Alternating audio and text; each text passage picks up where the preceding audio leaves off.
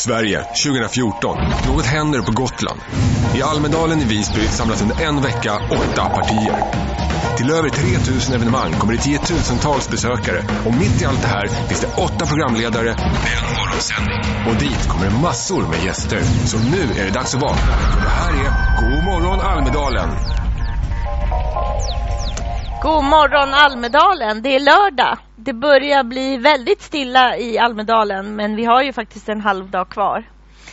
Ett program till eh, och fantastiskt nog eh, så har jag då äran att få göra detta program med Martin Schibbye. Tack så mycket Britt. Välkommen! Tack. Vad kul att ha dig här! Ja, det känns som man är på djupt vatten. Fast tryggt med dig. Ja, Du antog utmaningen. ja absolut. Ja. Ja.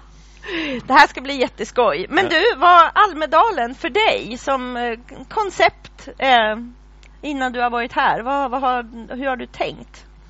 Jag har väl tänkt att det är en politikervecka. Att det mest är politiker och politiska ungdomsförbund och, eh, och olika utspel. Eh, Sen ens första intryck av, av Almedalen är väl att det är mycket mer civilsamhälle än, än vad jag hade trott. Nu har jag inte varit så mycket alltså inne i själva Almedalen. Jag har bott på södra Gotland i Holmhällar och åkt 20 mil med buss för att komma upp vissa dagar till Visby och varit med på ett antal paneler. Eh, så jag kan inte säga att jag har gjort Almedalen sådär. Men, men alltså när man går runt, de, alltså de organisationer som, som man möter är liksom aktivister för, för ojnar i skogen eller det är eh, Barnverket som driver barnrättsfrågor eller alltså olika liksom, Mm. ideella, ideella föreningar. Ett, ett, ett civilsamhälle verkligen. Så Mm. att första känslan är lite, men det här är ju som bokmässan på kullersten. lite, Ja. lite grann. Ja. Eh, och det var positivt. Jag har bara sett två politiker tror jag. Eh, men jag har kanske inte heller rört mig på rätt gator. ja. Men det där är jättespännande. Vi har ju pratat mycket om det och, och igår hade vi här eh, Magnus Ljungqvist eh, från Makthavare som grundade Makthavare som en, som en sajt eh, för Mhm. att just ge bevakning från Almedalen. Och han är jättekritisk till så många journalister på plats och som inte ger en bredare bild av allt det andra som Mhm. händer också. Mm. Mm. Nej, verkligen. Och sen har väl jag tillbringat som säga, mest tid på, på bussen Mm. nästan. Fram och tillbaks till då Holmhällar. Och dels är det fantastiskt att det, att det går liksom kollektivtrafik på Visby. Du kan åka från ja, 22 i Visby och så är du där nere vid halv ett någon gång. Och sista biten så var jag ofta enda, enda passageraren och kör busschauffören ända fram till, till pensionatet och släpper av en. Eh, så en väldig liksom värme. Men de, de har också pratat med liksom, gotlänningar om om Almedalen Mm. och fått liksom både, både bu och bä. Eh, men de ändå som har varit inne och gått på någonting har tyckt det var det varit intressanta liksom, seminarier. Och det är väl också en sån här reflektion att, att de seminarier man har varit på har ju varit verkligen alltså, spetsseminarier, verkligen Mm. genomarbetade arrangörer som har jobbat jättelänge och genomtänkta paneler och ämnen och, och, och vinklar. Så att om man jämför ofta med eller bokmässans seminarier som ju kan vara lätt att det handlar om att liksom visa upp en författare som en reklampelare runt antal minuter och sen så direkt gå och köp boken så, så har det här liksom varit det känns som man vill påverka på ett djupare plan Ja. och kanske lite mer långsiktigt. Mm. Kanske någon som vill få en att köpa något längre fram som jag inte eh, har, har sett. Men nej, men det är väl första tankarna. Sådär. Ja, engagemang och vilja Ja, att verkligen. förändra. Verkligen, verkligen, Eh, verkligen. Mycket så, sådana exempel. Eh, Kunskapsbonanza eh, sa Magnus Ljungqvist igår. Det är väl Mhm. sammanfattar det väl bra. Mm. En möjlighet till kompetensutveckling och så. Mm. Men eh, vad har du gjort här då? Vad har du hoppats åstadkomma med din närvaro? Och sätta ljuset på, på fängslade journalister. Eh, sätta ljuset på de som är kvar i Etiopien. Eh, på det som händer i Egypten nu, rättegången mot, mot Al Jazeera, eh, medarbetarna. Men också mot alltså, situationen för, för journalistiken i stort. Eh, vi har deltagit på två seminarier om just hotbilden mot journalister i regi av Utgivarna och eh, Expressen och diskuterat liksom, den, den nya situation som, som råder för, för journalistiken. Mm. Att det är i princip jaktsäsong på journalister. Eh, respekten för journalistiken internationellt är nere på en, på en bottennivå. Vi fängslas, vi skjuts, vi kidnappas och det finns en allmän inställning av att någonting, någonting nytt har, har hänt. Vi står inför en ny, ny situation. Och i de, I de debatterna och panelerna så har jag försökt vara konkret. Alltså att vi alla kan enas om, om vikten av, av journalistik idag, vikten av det fria ordet. Men försökt prata liksom konkreta erfarenheter. Vilka kunskaper finns det i, i kåren kring hur man jobbar i konfliktområden? Och tillsammans med Unesco så håller jag på med en, en säkerhetshandbok, en överlevnadshandbok där man vill så att säga sammanställa tips och erfarenheter. Allt från packlister till vilken våning på ett hotell man, man ska bo på i, i, i konflikter, mm. inte bo på bottenvåningen. Eh, till ja, dyrköpta erfarenheter som finns i kåren. Så att det blir konkret frågan om, om säkerhet för journalister i, eh, i utlandet. Mm. Och det där är ju ett jättetypiskt exempel på att det här är en, en, en, en mötesplats som också är ett kompetenstillfälle. 700 mm. journalister här behöver ju inte bara handla om rapporteringen utan att det finns otroligt viktiga branschfrågor mm. eh, att diskutera tillsammans. Ja, verkligen, verkligen. Och vilka, det var mycket folk som kom på era seminarier? Ja, det var verkligen fullt hus. Och det känns som att många är, är oroade över den, den utveckling vi har sett. Mm. Alltså bara från från liksom svensk sida med först fängslandet av mig och Johan, sen kidnappningen av Niklas och Magnus och sen så fruktansvärda mordet på Nils Horner. Mm. Och det är bara de sista två, tre åren vi har sett den utvecklingen. Och samma, samma utveckling finns internationellt med ett ökat antal angrepp på journalister. Och det, det är en obehaglig utveckling där både liksom stater och organisationer har lärt sig att våld mot journalister fungerar. Det är en mm. billig form av censur. Mm. Genom att angripa budbäraren så tystar man budskapet. Mm. Och, och det har varit ja, men väldigt bra praktiska diskussioner kring hur man tar sig runt det, hur man, hur man, tar, sig, hur man tar sig vidare på de här eh, seminarierna som, som jag deltagit på. Mm. Och du, är, du gör ju bland annat sånt här och den här, eh, en, en viktig spelare i den här säkerhetshandboken och så. Men eh, du har ju också startat en fond tillsammans med Johan och ett mm, antal mm. aktörer. Berätta lite om Kalyti-fonden. Det är också ett sätt att konkret. Jo, alltså det, det bottnar väl egentligen i ett ett löfte som, som jag och Johan gav när vi lämnade Kaliti-fängelset. Att det sista våra medfångare sa till oss var ju att Please tell the world what you have seen. Och det, det löftet har ju, har ju drivit oss eh, sen, sen den dagen. Och ett, ett konkret sätt att jobba med det är att 10 kronor av varje såld bok av 438 dagar går till den här Kaliti-fonden och även det kommer in bidrag från fackförbund och från eh, organisationer och även från begravningar när journalister går bort att man vill inga blommor, sätta in pengar till Kalitefonden så att det, det kommer liksom in bidrag till fonden och då använder vi dem till att ge käk och mediciner till journalister som, som sitter i fängelse. Mm. Men också genom liksom emergency åtgärder se till att journalister inte hamnar i fängelse. Eh, det finns väl lite toppen av isberget av vad vi gör kan man, kan man prata om men det mesta är är sånt som, som vi bara gör och inte pratar om. Ja. Så det finns andra som är bra på mera advocacy och, och att eh, publicera rapporter. Vi ser till att, att journalister har mat och mediciner i, i fängelset för vi vet hur pass viktigt det är med den, den konkreta hjälpen. Mm. Så att det eh, och det har också varit ett tillfälle att knyta, eh, knyta många kontakter i det arbetet här. Så man har ja, sprungit på personer som vill engagera sig och vill, vill hjälpa till med det. Mm. Du, ehm, för mig är det ju väldigt speciellt att, att ha dig här. Det mm, finns mm. ett eh, Godmorgon Almedalen då jag eh, eh, påade ett inslag med eh, journalisten Anna Roxvall som ju kämpade här hemma för, för dig och Johan mm, när ni mm, mm. satt fängslade. Ska vi kika lite på det och mm. prata om det sen? gärna. I dagarna är det ganska så exakt ett år sedan frilansjournalisten Martin Schibbye och fotografen Johan Persson greps i Etiopien. Eh, det har gått ett år. De är dömda för terrorism och sitter fängslade. Eh, med mig har jag Anna Roxvall, frilansjournalist och kollega till Martin och Johan. Hej Anna. Hej. Hur har året varit för dig? Det har ju blivit ett helt en helt annorlunda relation till medierna. Från att vara den som förser medier med innehåll så har du själv varit en del av berättelsen och också haft ett ganska stort tryck från media att berätta vad som händer.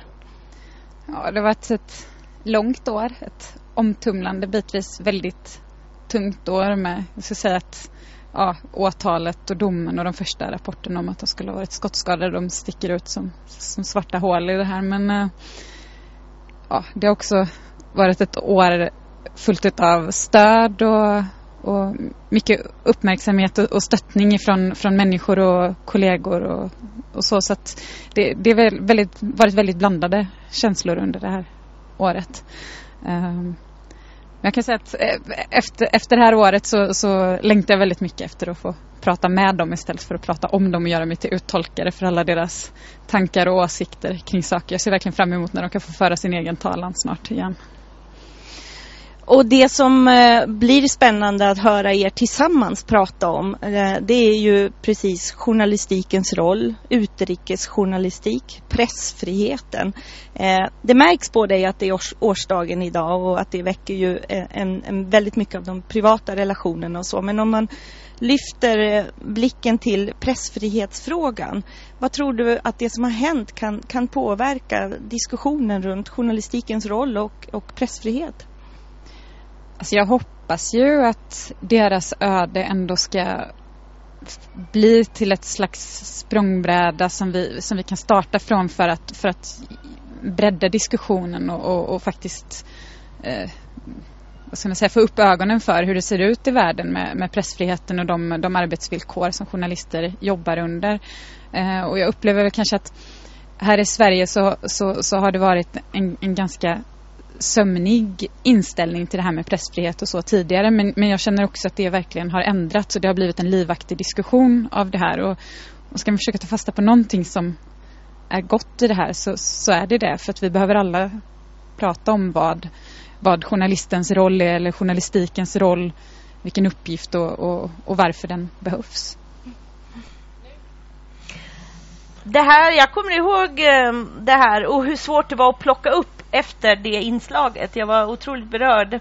Eh, och, och, och, privat först, hur känns det att, att se det här och bli påmind om att den Almedalsveckan var det en mängd seminarier som handlade om er mm. och där det bedrevs en, en kamp för er. Mm. Alltså man får ta ett djupt andetag och, och vara glad att man kan stå här. Mm. Alltså man får påminna sig själv om det, att vi faktiskt vi, vi överlevde och, och, och vi kom ut mm. Eh, och, och fick liksom vår yttrandefrihet tillbaka. Och mycket beroende på den kamp som, som jag menar, Anna Roxvall och massa kollegor och massa människor förde för oss. Alltså mm. Alltså att man verkligen aktivt liksom krävde, krävde vår frihet. Att det var otroligt betydelsefullt. Och det var också Alltså det var ju vår stora skräck i fängelset att att vi skulle bli bortglömda. Mm. Vi var ju mer rädda för det än vi mm. var för fysiska hot eller för att liksom sitta där resten av våra liv. Att så länge menar, man satte ljuset på pressfrihetsfrågor, ljuset på Etiopien, ljuset på vikten av utrikesjournalistik så kände man att man sitter för en bra sak. Därför var det här liksom så viktigt och de små glimtar vi fick av att det pågick diskussioner och debatter om oss stärkte oss i fängelset och var liksom viktigare än, än mat och vatten och, och, och mediciner. Så att, och det är klart att Almedalen blir speciellt på så sätt eftersom nyheten om att vi greps kom ju under Almedalsveckan 2011 mm. och det är liksom nästan på dagen tre år sedan som vi då liksom sköts och greps och hölls i öknen. Och då blev det ju ingen jättegrej eh, utan det, det tisslades och tasslades eh, lite om att några hade gripit. Ett år senare så, så är frågan verkligen på dagordningen eh, och ja, Anna Roxvall är med i, i, i programmet och jag tror att om man ser tillbaks vad det här vad det här har gett så har det ju varit verkligen en, en, en folkbildning i journalistik. Verkligen. Idag är det liksom ingen som, som ifrågasätter varför journalister ska in i, i stängda områden eller behovet av utrikesjournalistik. Alltså människor som är på plats, som använder fötterna mer än Google och som Alltså det finns ju en, ett konsensus kring att detta är jätteviktigt. Mm. Och hade det gripits två journalister idag under liksom Almedalens sista skälvande dagar så, så hade ju reaktionen blivit en helt annan. Eh, både från liksom ja, från topp till, till botten. Så det är, och det är någonstans är det som Anna är inne på i den här filmen att det är så det som har kommit ut av de här ökade fängsling, fängslandena och kidnappningarna och, och, de dödade journalisterna de sista åren är ett otroligt engagemang. Och det ser man inte bara i, i, i Sverige kring oss, det kan man se kring Al Jazeera, rättegången mot Al Jazeera mm. i Kairo. Mm. Alltså under deras rättegång så jag tror det kom liksom tusen uh, tweets i timmen som, som stödde deras frigivande jag tror det är över hundratusen liksom, personer som har skrivit liksom aktivt och, och krävt att de, att de ska bli fria. Mm. Och det är journalister som, som vi inte känner men som representerar någonting som, som vi tycker är viktigt och, och som vi tycker är ett, ett, ett brott att, så att, säga, att fängsla. Så det är så det är, det är oerhört eh, positivt. Och samma sak, även i Etiopien så har man ju fortsatt att gripa journalister och bland annat nu under våren så greps det ett antal eh, bloggare som hade publicerat utdrag ur konstitutionen Eh, och de greps och fördes till Makalawi, två av dem har torterats. Eh, men, men gensvaret i det etiopiska liksom, samhället har varit enormt. Många har tagit jätterisker och twittrat och bloggat och protesterat och, och det såg vi inte innan. Innan greps journalister i tysthet. Idag så, ja, så, så görs det inte det. Mm. Och man, där ser man ju verkligen att Twitter kan vara något helt annat än den eh, diskussion det ofta blir, även i Sverige kopplat till journalistik. Eh, att det blir, här blir det ju livsavgörande att faktiskt förstå den där lilla fyrkantssymbolen. Mm. Ja, verkligen. Och det, jag tror det var ett, första gången som jag liksom förstod värdet av alltså sociala medier i auktoritära stater eller i Etiopien. Det var när jag såg plötsligt att det twittrades från, från rättegången i Etiopien. Mm. Alltså modiga etioper satt och liksom twittrade under rättegången. Och det visste man ju själv vilka, vilka risker de människor tog som gjorde det. Mm. Att man fick liksom i realtid rapporter om de här människorna som, ja, som, som sedermera dömdes, alltså, alltså kollegor. Då kände man verkligen shit, det här är på riktigt. Och också de här bloggarna som, som nu greps visar ju att den etiopiska regimen tar ju verkligen sociala medier på allvar. Mm. Det är unga människor, 20-25 år, som har bloggat fredligt, uttryckt sig liksom, eh, kritiskt eller bara krävt sin, sin yttrandefrihet, krävt demokrati. Och de buras nu in och riskerar långa fängelsestraff för terrorism. Och jag menar om, om Etiopien tar social, sociala medier och bloggar och Twitter på sånt allvar, då måste vi själva också göra det och se det som de liksom, kraftfulla, viktiga verktyg, verktyg det är och inte bara någonting liksom, något roligt man tar selfies med och, och, mm. och lägger upp liksom, utan i detta eh, ja, ryms någonting stort. Ja, och, och, är viktigt att också stärka medborgare i att se att de här plattformarna finns. Det är ju ett sätt att, att kunna berätta och, och snabbt nå ut mm, mm, och inte mm. avfärda det som, som gör att man själv fortsätter att välja att stå utanför utan mm. snarare se att det här är en av dina kanaler för att mm. påverka i samhället. Mm. Ja, verkligen. verkligen. Men eh, kampen för er eh, slutade ju så här lyckligt. Eh, och, eh, men kampen fortsätter ju för fängslade journalister. Eh, och då är det väl jätte eh, fint att vi kan ha ytterligare ett exempel för att lyfta det med oss här på plats. vi välkomnar Vanessa. Ja, ja, det är jättebra. Ja. Hej Vanessa! Hej! Berätta, du har en jättefin tröja på dig. Du driver ju en kamp. Du kan känna igen dig i den här berättelsen. Mm. Eh, jag kommer från Eritrea, som är ett land precis bredvid um, Etiopien där Martin satt fängslad. Mm. Um, och har en morbror som fängslades två dagar innan den svenska journalisten uh, Dawit Isaak. Mm. Och han har då alltså suttit fängslad snart i 13 år. Um, och förra året bestämde jag mig för att starta ett projekt för att jobba för hans frihet och för att sprida hans historia här i Sverige och sen så småningom till hela världen. Mm. Ni två har träffats i en del just diskussioner ja. om, om pressfrihet och fängslade journalister. Mm. Mm. Berätta hur du driver din eh, kamp. Ja, ni pratar mycket om Twitter och liksom sociala mm. medier och jag tror att det är ett av de um, stora sätten man kan sprida information idag. Um, via internet, för det är det som man kan ha, det spelar ingen roll vilket land man är i, och till och med vissa kan ha det i liksom, diktatorer som i Etiopien, kan man nå ut um, sociala medier. Och så vi har försökt bedriva, vi har gjort en kortfilm som är tio minuter lång. Vi försöker berätta historien om Eritrea, um, om min morbror, om de andra journalisterna och situationen idag. Um, så vi försöker förklara liksom, hur situationen ser ut och vad vi vill göra. Och med den filmen försöker vi nå ut till människor. Um, sen har vi, jag går själv på gymnasiet och har försökt driva frågan på min skola och på andra skolor där mina kompisar går. Och sen så småningom har det vuxit fram ett ambassadörprogram som gör att alltså elever på vilken skola som helst mm. i världen kan bedriva kampen för min morbror liksom lokalt. Och med det skapa någon typ av så ungdomsrörelse som gör att vi alla gemensamt ställer krav på den eritreanska regeringen än att man står där liksom ensam. Mm. Och du deltar ofta i um, sammanhang där även David Isaks mm. fall tas upp. Jag vet när vi var en utställning nu på Liljevalchs som invigdes mm. Så, så fanns du på plats och, och berättade om, om även din historia. Mm och koppling. Precis. Vad tänker du om hur, hur Vanessa kan fortsätta sitt arbete?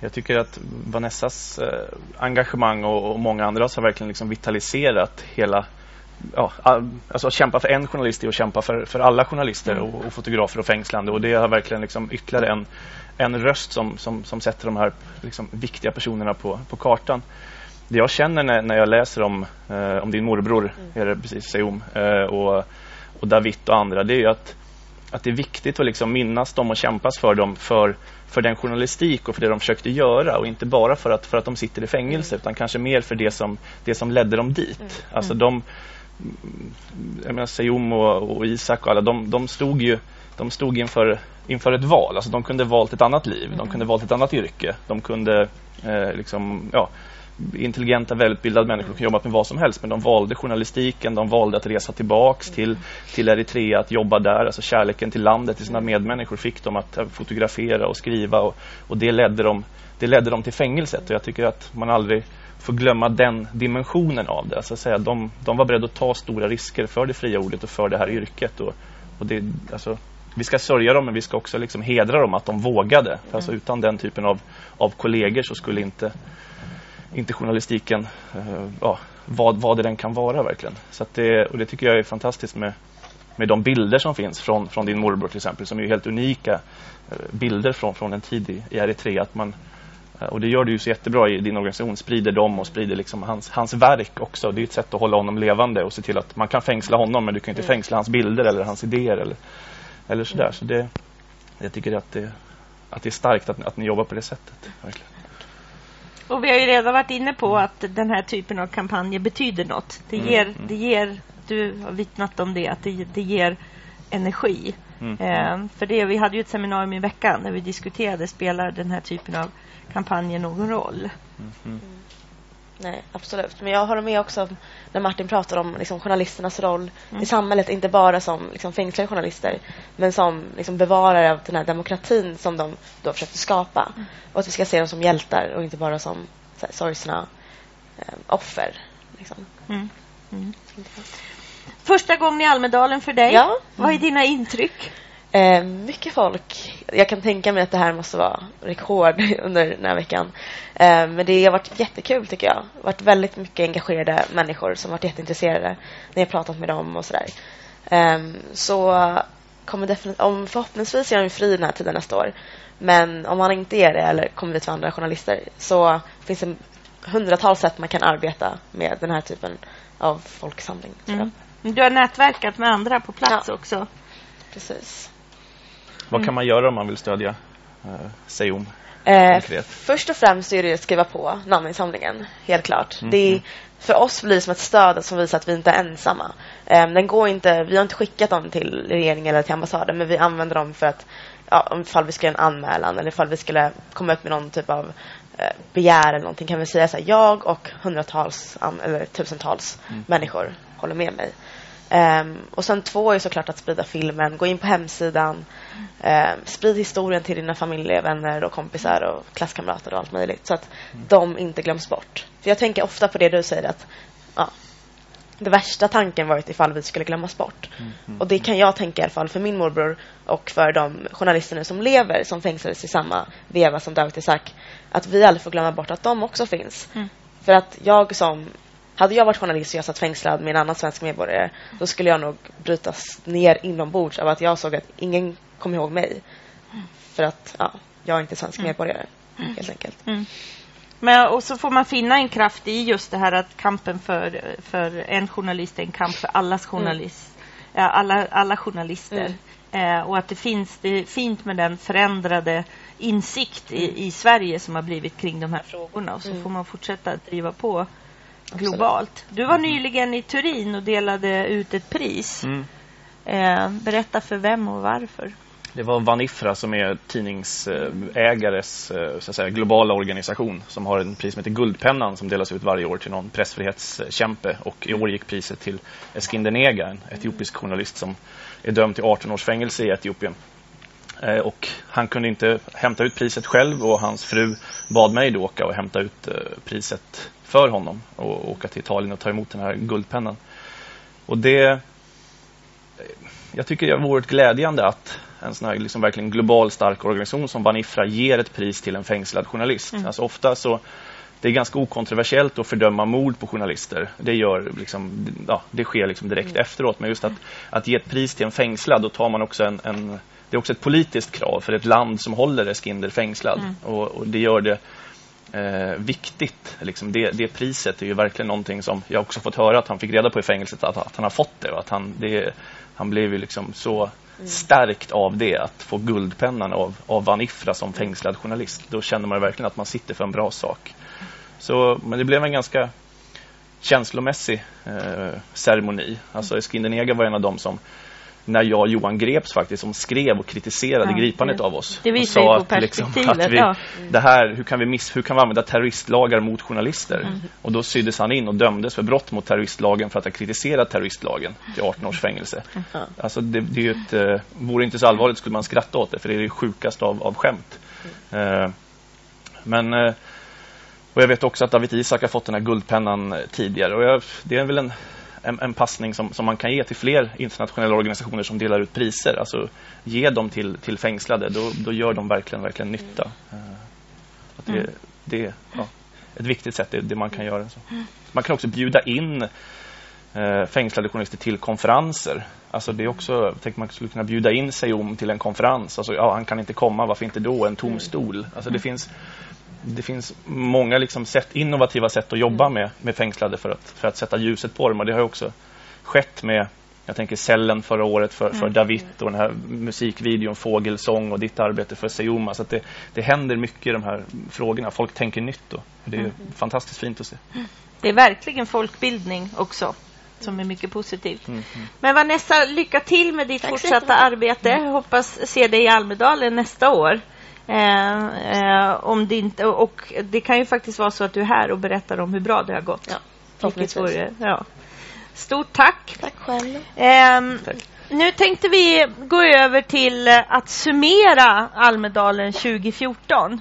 Ehm, och jag tänkte att vi börjar med att summera vad har egentligen hänt på Hej Digitalt där Godmorgon Almedalen har sänts. Vi har ju haft en veckolång satsning där vi har velat diskutera digitala frågor. Här kommer en summering. Man måste ju passa på och faktiskt visa vilka, vilka som är Hej Digitalt. Det är vi som är Hej Digitalt. Ja. Hej! Hej! Hej! Beata och Emma, vad är det vi har gjort egentligen? Ja, vi har skapat en, eh, en mötesplats här i Almedalen där vi har pratat om Sveriges digitala framtid tycker jag ur extremt många olika perspektiv. Det har varit superkul. Verkligen. Från nätaktivism, entreprenör, innovation. Skolans framtid.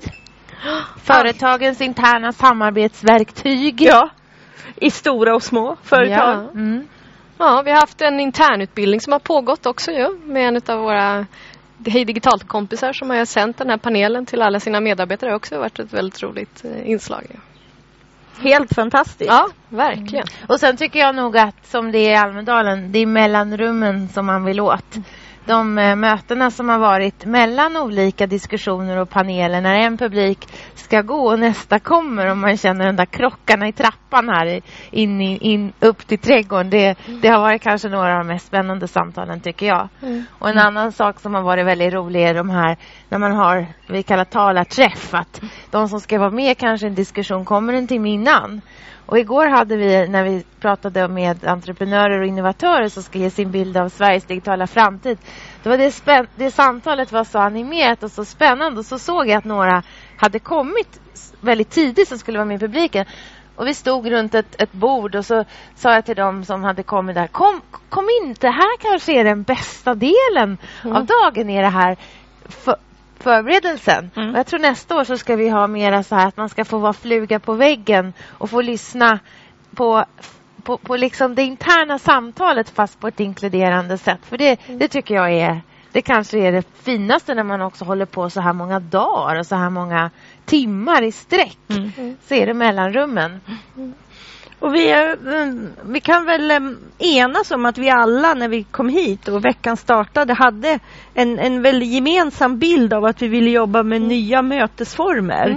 Eh, och det känns som att det här är ju något som du dagligdags jobbar väldigt, väldigt mycket med Ja. när vi har förenats i det. Ja, det tycker jag att vi har gjort. Vi har väl faktiskt utnyttjat den eh, kunskapen och den kvaliteten som vi har haft på vår publik också. Att det inte har varit den här envägskommunikationen utan vi har haft dialogen och upplevelsen ganska mycket i fokus och försökt hitta nya interaktiva sätt att, att jobba med. Och ett av de roligaste exemplen som vi vet är ditt också favoritexempel är ju den workshopen vi hade med Academedia. Ja, om skolans Mm.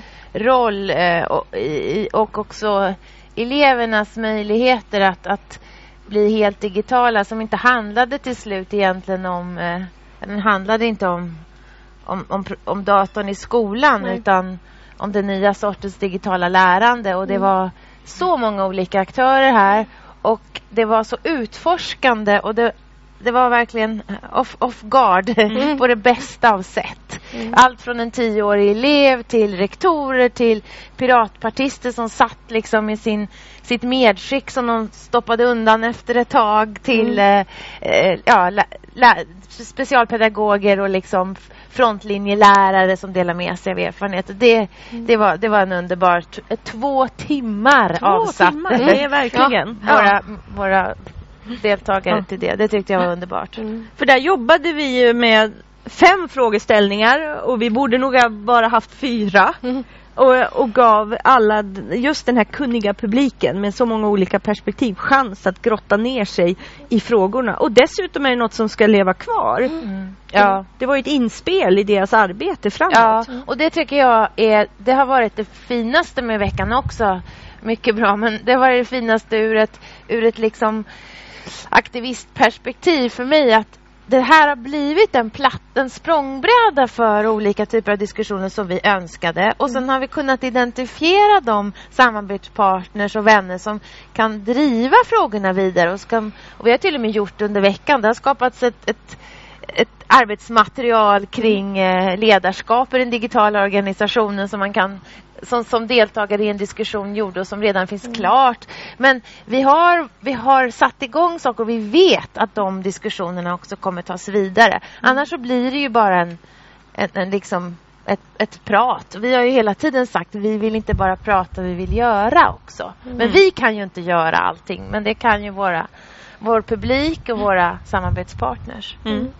Emma, vad har du något så Exempel från veckan? Ja, jag tycker det har varit väldigt roligt eh, att de tre workshops, workshopsen som vi haft tillsammans med Hyper Island och den metoden och deras metodik som de ju naturligtvis är kända för den har ju funkat väldigt bra i den här kontexten och det som jag tycker har varit roligast att se där det är ju att, de, att vi kanske har hjälpt dem att få en helt annan publik än vad de kanske har i sina vanliga Hyper Island sammanhang då vi får liksom eh, 20, nyfikna 20-åringar som får sitta bredvid någon eh, hög chef och säga, oh, får jag vara med vid vuxenbordet? Lite den känslan som de har haft efteråt och att vi har kunnat skapa någonting väldigt konkret också som vi har kunnat dela med oss och de kan dela med sig av. Eh, tycker jag har varit väldigt roligt att se. Så det skulle jag också vilja göra mer den typen av, av arbete inom olika områden. Mm. Du då. Britt, för du, du jag har ju varit här många år. Va, vad har varit annorlunda hos dig digitalt? Nej, men det, har, det har varit det här, jag har, jag har längtat efter, just när man möter människor och, och de, de ger uttryck för de här oväntade mötena. Eh, så har man känt att varför inte strukturera det lite mer genom att om man är politiker till exempel, det är fortfarande min dröm om att åstadkomma det vi gjorde med Academedia, men med, med eh, frågor kring en politisk utmaning. Eh, Anna-Karin Hatt och digitaliseringen vore ju fantastiskt att ha. Hon var ju här igår och sa att hon kunde tänka sig Ja, det. mm. men just att jobba på det sättet som när vi hade ett seminarium om digital opinionsbildning. Mm. Då var hela arenan fylld och vi har ju lite olika nivåer på, på utrymmena att vara på. Och då dels lyxen att kunna ha de som ska prata på lite olika platser och inte stående runt ett ståbord. Eh, utan det blev väldigt, väldigt dynamiskt. Mitt bland publiken, några satt, några stod. Eh, Man jämnar ju också ut skillnaderna mellan vem som får stå på scen och vem som är publik. Så det var ju vår dröm. Och här kunde man inte ens se vilka som var tala, talarna och experterna. Och sen med hjälp av fantastisk teknik Ja, som gör det verkligen. möjligt oberoende av var man befinner sig så blev man en del utav det.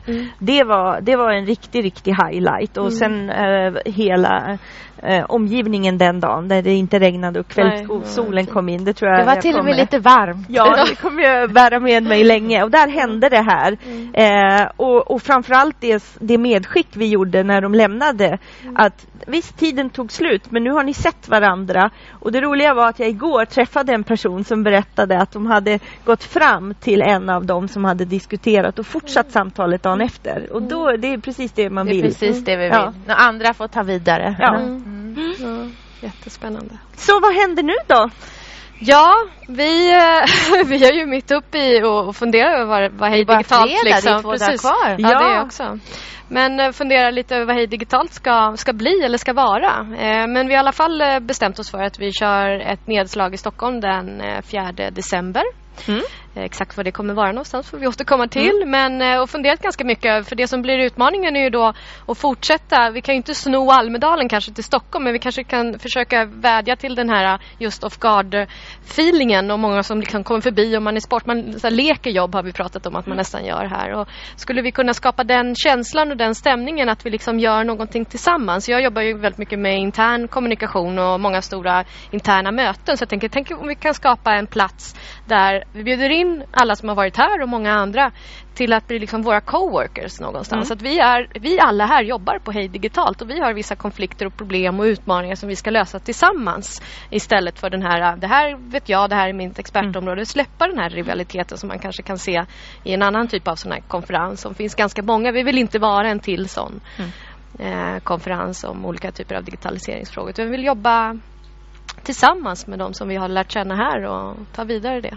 Och där tror jag vi, vi, Mm. det vi ska lägga tid på är att, eh, att hitta och identifiera de som vi tycker ska vara med i det samtalet och möjliggöra Mm. för dem eh, att kunna vara med. Det är liksom det vi ska lägga vår kraft på så det inte blir de självklara deltagarna som Nej. redan skulle kunna göra de skulle kunna skapa sina egna möten, Mm. tänker jag.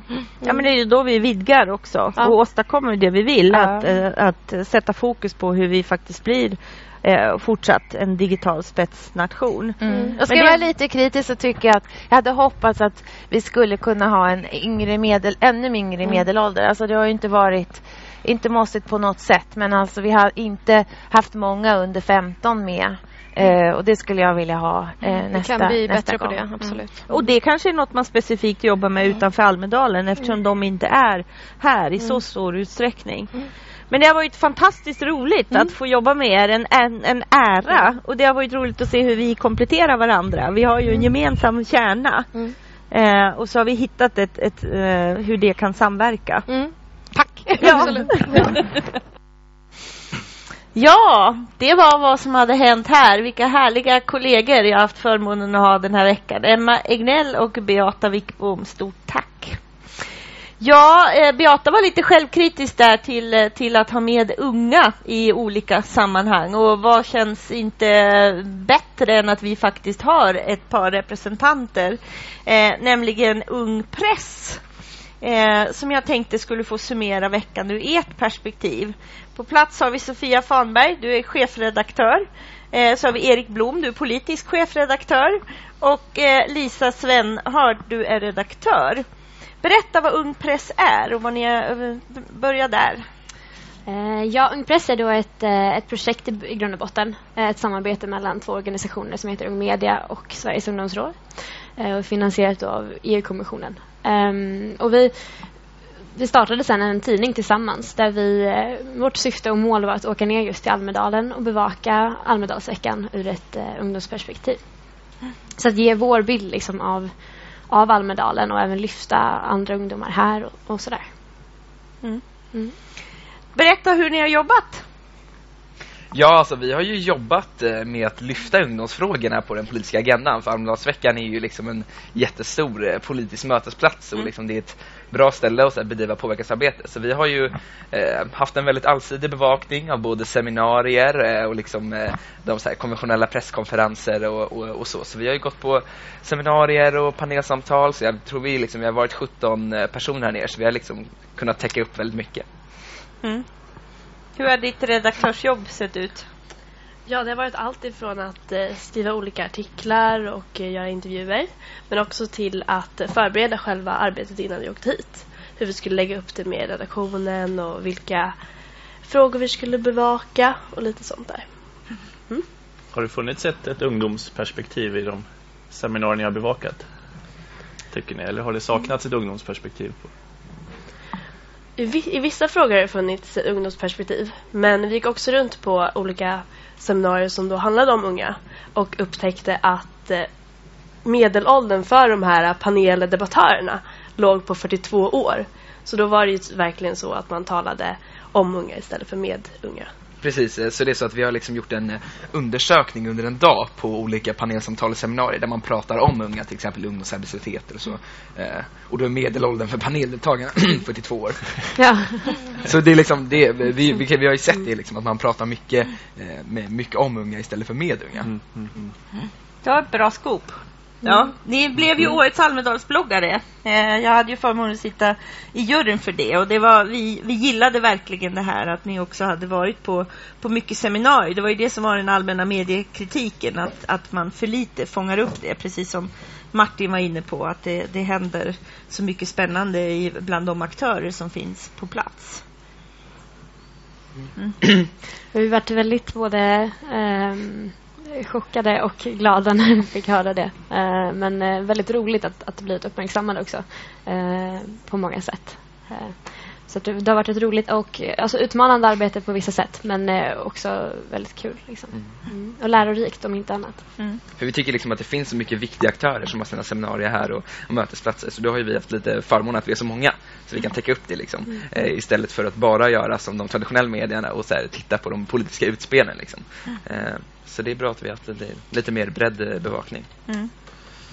Mm. Har ni haft en chans att eh, titta på, på allt det andra, just det som händer eh, runt om på gator i gränder där det har podcastats och det har varit aktivister som har varit här. Har ni, har ni tittat? Har ni träffat dem någonting? Det är en mängd unga aktörer som ännu inte har en, en ett seminarium eller, eller, eller ett stånd där de visar den fråga de driver och så.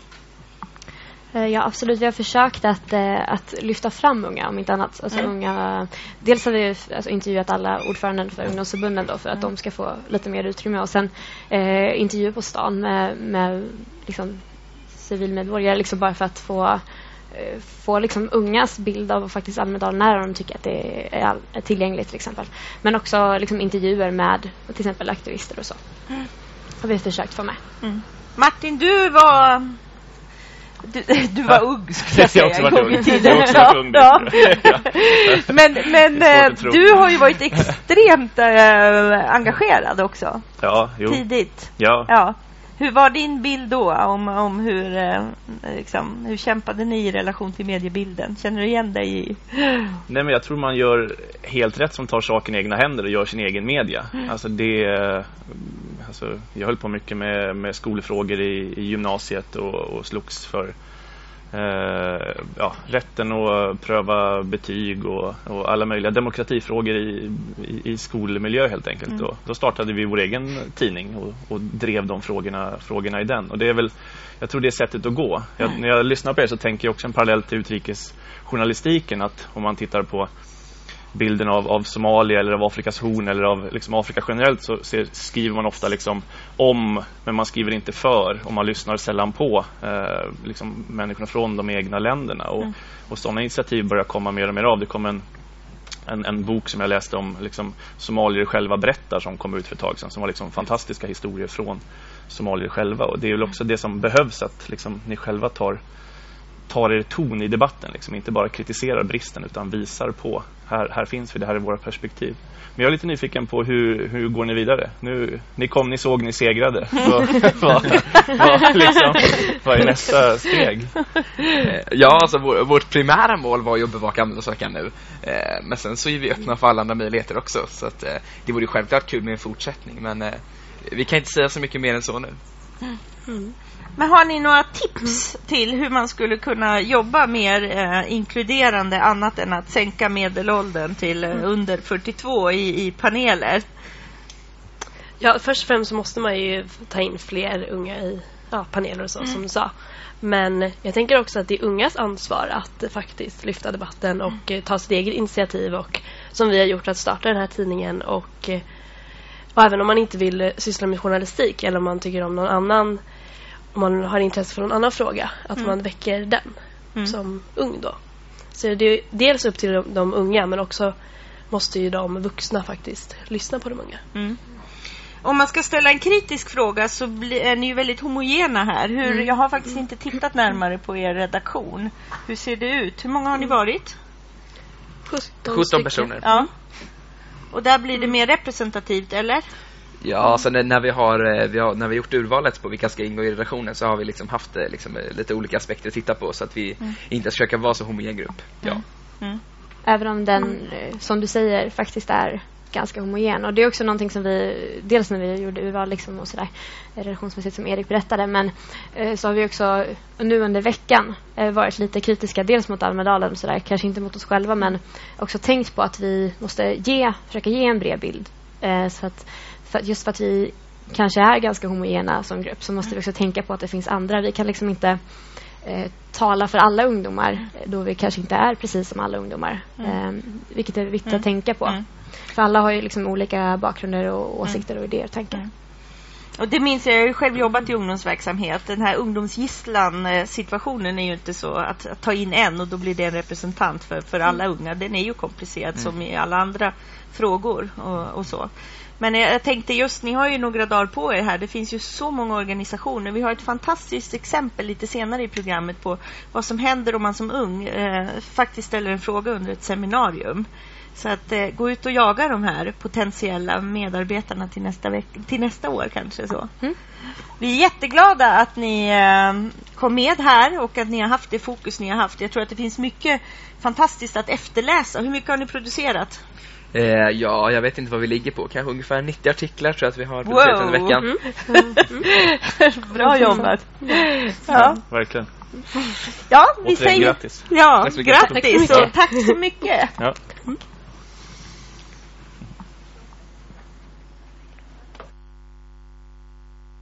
Vi ska ha en bubb. Sverige 2014. Något händer på Gotland. I Almedalen i Visby samlas under en vecka åtta partier.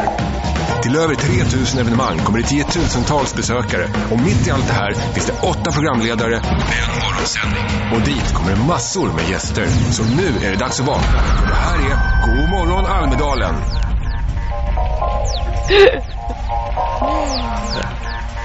Nu är vi ju faktiskt tre programledare. En tänker twittra under tiden. Ja, jag tänkte det. Ja, klart du ska. Mm. Också. Do it. Ja. Eh, Kör ut bilden. ja. Det var en så fin bild på er Ja. när ni stod här tidigare. Nu har vi ju med oss eh, Niklas Svensson, kär gäst i Godmorgon Almedalen. Jag har inte plågat dig varje morgon. Nej, Nej. det är jag tacksam för. Ja, men Ja. jag har saknat dig lite. Jag har varit här och du har varit där nere. Ja. Vi har Ja. setts ett par gånger. Ja. Jag tror aldrig jag har sett dig så lite i Almedalen. Nej. Martin har jag inte sett överhuvudtaget. Nej, jag har suttit på en buss. Ja. och varit nere i Holmhällar och sett på havet och horisonten. Ja, härligt. Ja, Ja. Men eh, berätta, vad har du gjort i veckan och vad är dina tankar? Ja, vad har jag gjort i veckan? Jag har Ja. frågat ut alla våra partiledare. Mm. Jag har sprungit på presskonferenser, jag har lett program på kvällen och jag har avslöjat saker i vår papperstidning. Så att eh, nu på morgonen försökte jag sammanfatta för mig själv den här veckan och det är inte alldeles enkelt efter en sån här galet intensiv vecka. Men eh, om man ska sammanfatta veckan så tycker jag att det har varit en, en eh, lite märklig Almedalsvecka. Den började för min egen del. Jag kom hit redan i fredags. Och den började med ett mörkt eh, skimmer kan man väl lugnt säga med nazister som klev upp på scen i Almedalen i lördags. Och jag tycker att det har legat någonstans i bakgrunden hela veckan. Vi har sett eh, mängder med poliser, vi har sett nazister ba- både på Almedalsscenen och på Donners plats. Mm. Och det har åtminstone hos mig skapat ett obehag liksom, som, som jag bär med mig efter den här veckan.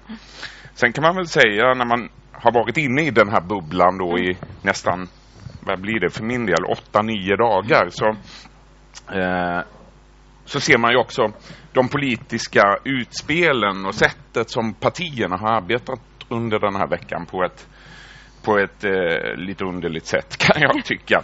Eh, det är väldigt få politiska utspel som under den här veckan har fått fäste.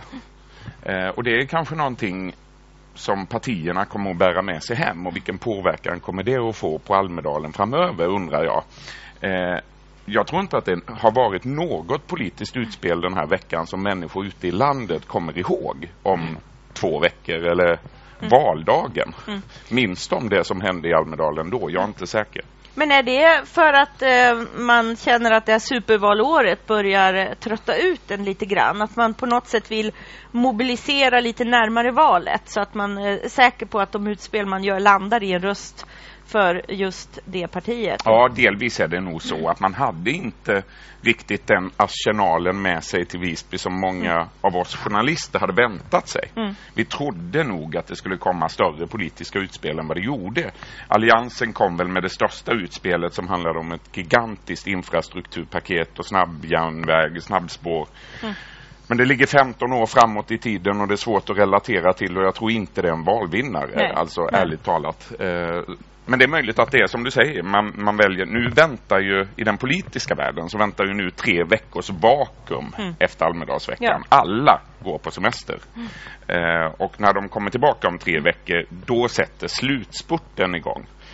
Eh, och då kommer kanske de tunga politiska förslagen. Mm. Här har du någon som har mött politiker. Ja, ja. ja. precis i början här att jag inte sett några politiker Nej. utan mer av civilsamhället. Mm. Det är lite intressant med, med din spaning här om, om, om nazisterna. Mm. För det är det man också verkligen har hört och sett när man pratat med människor. Och, mm. och, och, att människor uttryckt sig att man är, man är rädd helt enkelt. Man är på en ö tillsammans med, med nazister eh, mm. och, och känner en, en rädsla liksom, för, att, för att gå i Visby själv och man försöker mm. gå två i två. Liksom, att en, att folk är, liksom, är rädda som är här eh, i olika föreningar och organisationer och, och, och driver frågor. Att, och det är ju en, eh, det är en obehaglig, eh, det väcker obehagliga minnen alltså när, när människor är, är rädda. För det finns ingenting mm. som blockerar eller slår sönder så, så mycket liksom av engagemang och skaparkraft som just, som just rädslan för att, för att tala och tycka och, och tänka. Liksom. Det, ja, Jag håller med om det där. Det... Men hur, Uh, hur tycker du liksom, politikerna har, har svarat på den, den, den stämningen och det jag tycker, att, varit? jag tycker att de allra flesta politiker har svarat väldigt bra på det.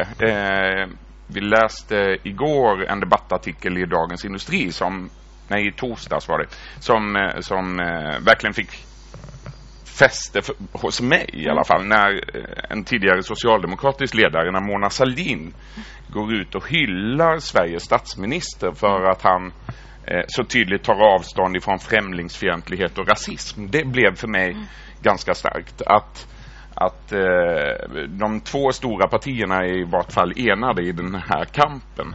Eh, och jag tycker att, eh, att partiledarna har varit hyfsat tydliga. Alla har inte eh, varit lika tydliga som Stefan Löfven och Fredrik Reinfeldt på Almedalsscenen. Men i utfrågningarna när de har fått frågor om Svenskarnas parti så har de varit väldigt tydliga och det är skönt att se. Mm. Men eh, Almedalsveckan eh, i relation till sina medlemmar för ett parti handlar ju mycket om valpepp ju, att faktiskt Absolut. orka efter de här tre veckorna Det är så också. man ska uppfatta ja. Almedalstalen ja. också, tror jag. Eh, det är inte där de stora politiska utspelen ska komma utan det är precis som du säger, man ska peppa de ja. egna. Vilka tyckte du har gjort bäst? Det där är alltid så otroligt svårt mm. att, att eh, avgöra för att man kan lägga in så många olika variabler. Eh, Jonas Sjöstedt igår var ju väldigt lugn och sansad mm. i sitt tal. Det var inga stora utsvävningar. Mm. Det uppfattade många som att det var ett dåligt tal. Mm.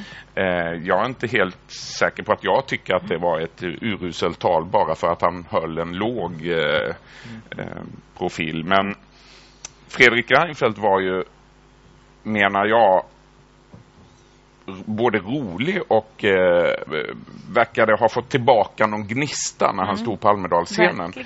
Eh, mm. Min tanke var att han ju verkligen gillar det där. Att stå på en scen inför väldigt mycket människor. Han, han drömde ju om att bli skådespelare när han var ung och det tycker jag att vi, vi såg lite det av. Jo, det var faktiskt så. Han, eh, han var också skådespelare ett kort tag och eh, visserligen kanske bara i studentföreställningar och så, men han hade, han bar på en dröm om att bli skådespelare och igår var det, eller i torsdag så var det en, en uh, ny taggad statsminister tyckte jag vi såg på scen. Och allt det där snacket om att, att Fredrik Reinfeldt är trött och det kanske är dags att byta ut honom och sådär. det tror jag att han hade funderat en hel del över för det var, det var en taggad statsminister Ja. tyckte jag. Ja, nej, men det tror jag nog att alla såg oberoende Mm. av vad man har sin partitillhörighet. Det gick inte annat än att konstatera att det där var engagerande. Ja, liksom, han tog, det var det. tog plats. Så. Martin, har du haft tid att titta på talen? Och... Nej, jag har sett två politiker tror jag totalt. Mm. Eh, såg Fredrik Malm och Ali Esbati blixtra förbi. Det är- Ja. Men jag har rört mig på, Ja. jag vet inte, Ja. ja, grä, grä, kullerstens... eh, Du har sett eh, två politiker under hela Almedalsveckan. Ja. Det är fantastiskt. Ja, det jag har ja, sett eh, ja, otroligt mycket andra Ja. eh, människor och, och krafter. Men, men som sagt, det är, många har vittnat om, om, om rädslan. Och, och det är det, det är liksom, det är obehagligt, verkligen. Eh, men nej, jag får...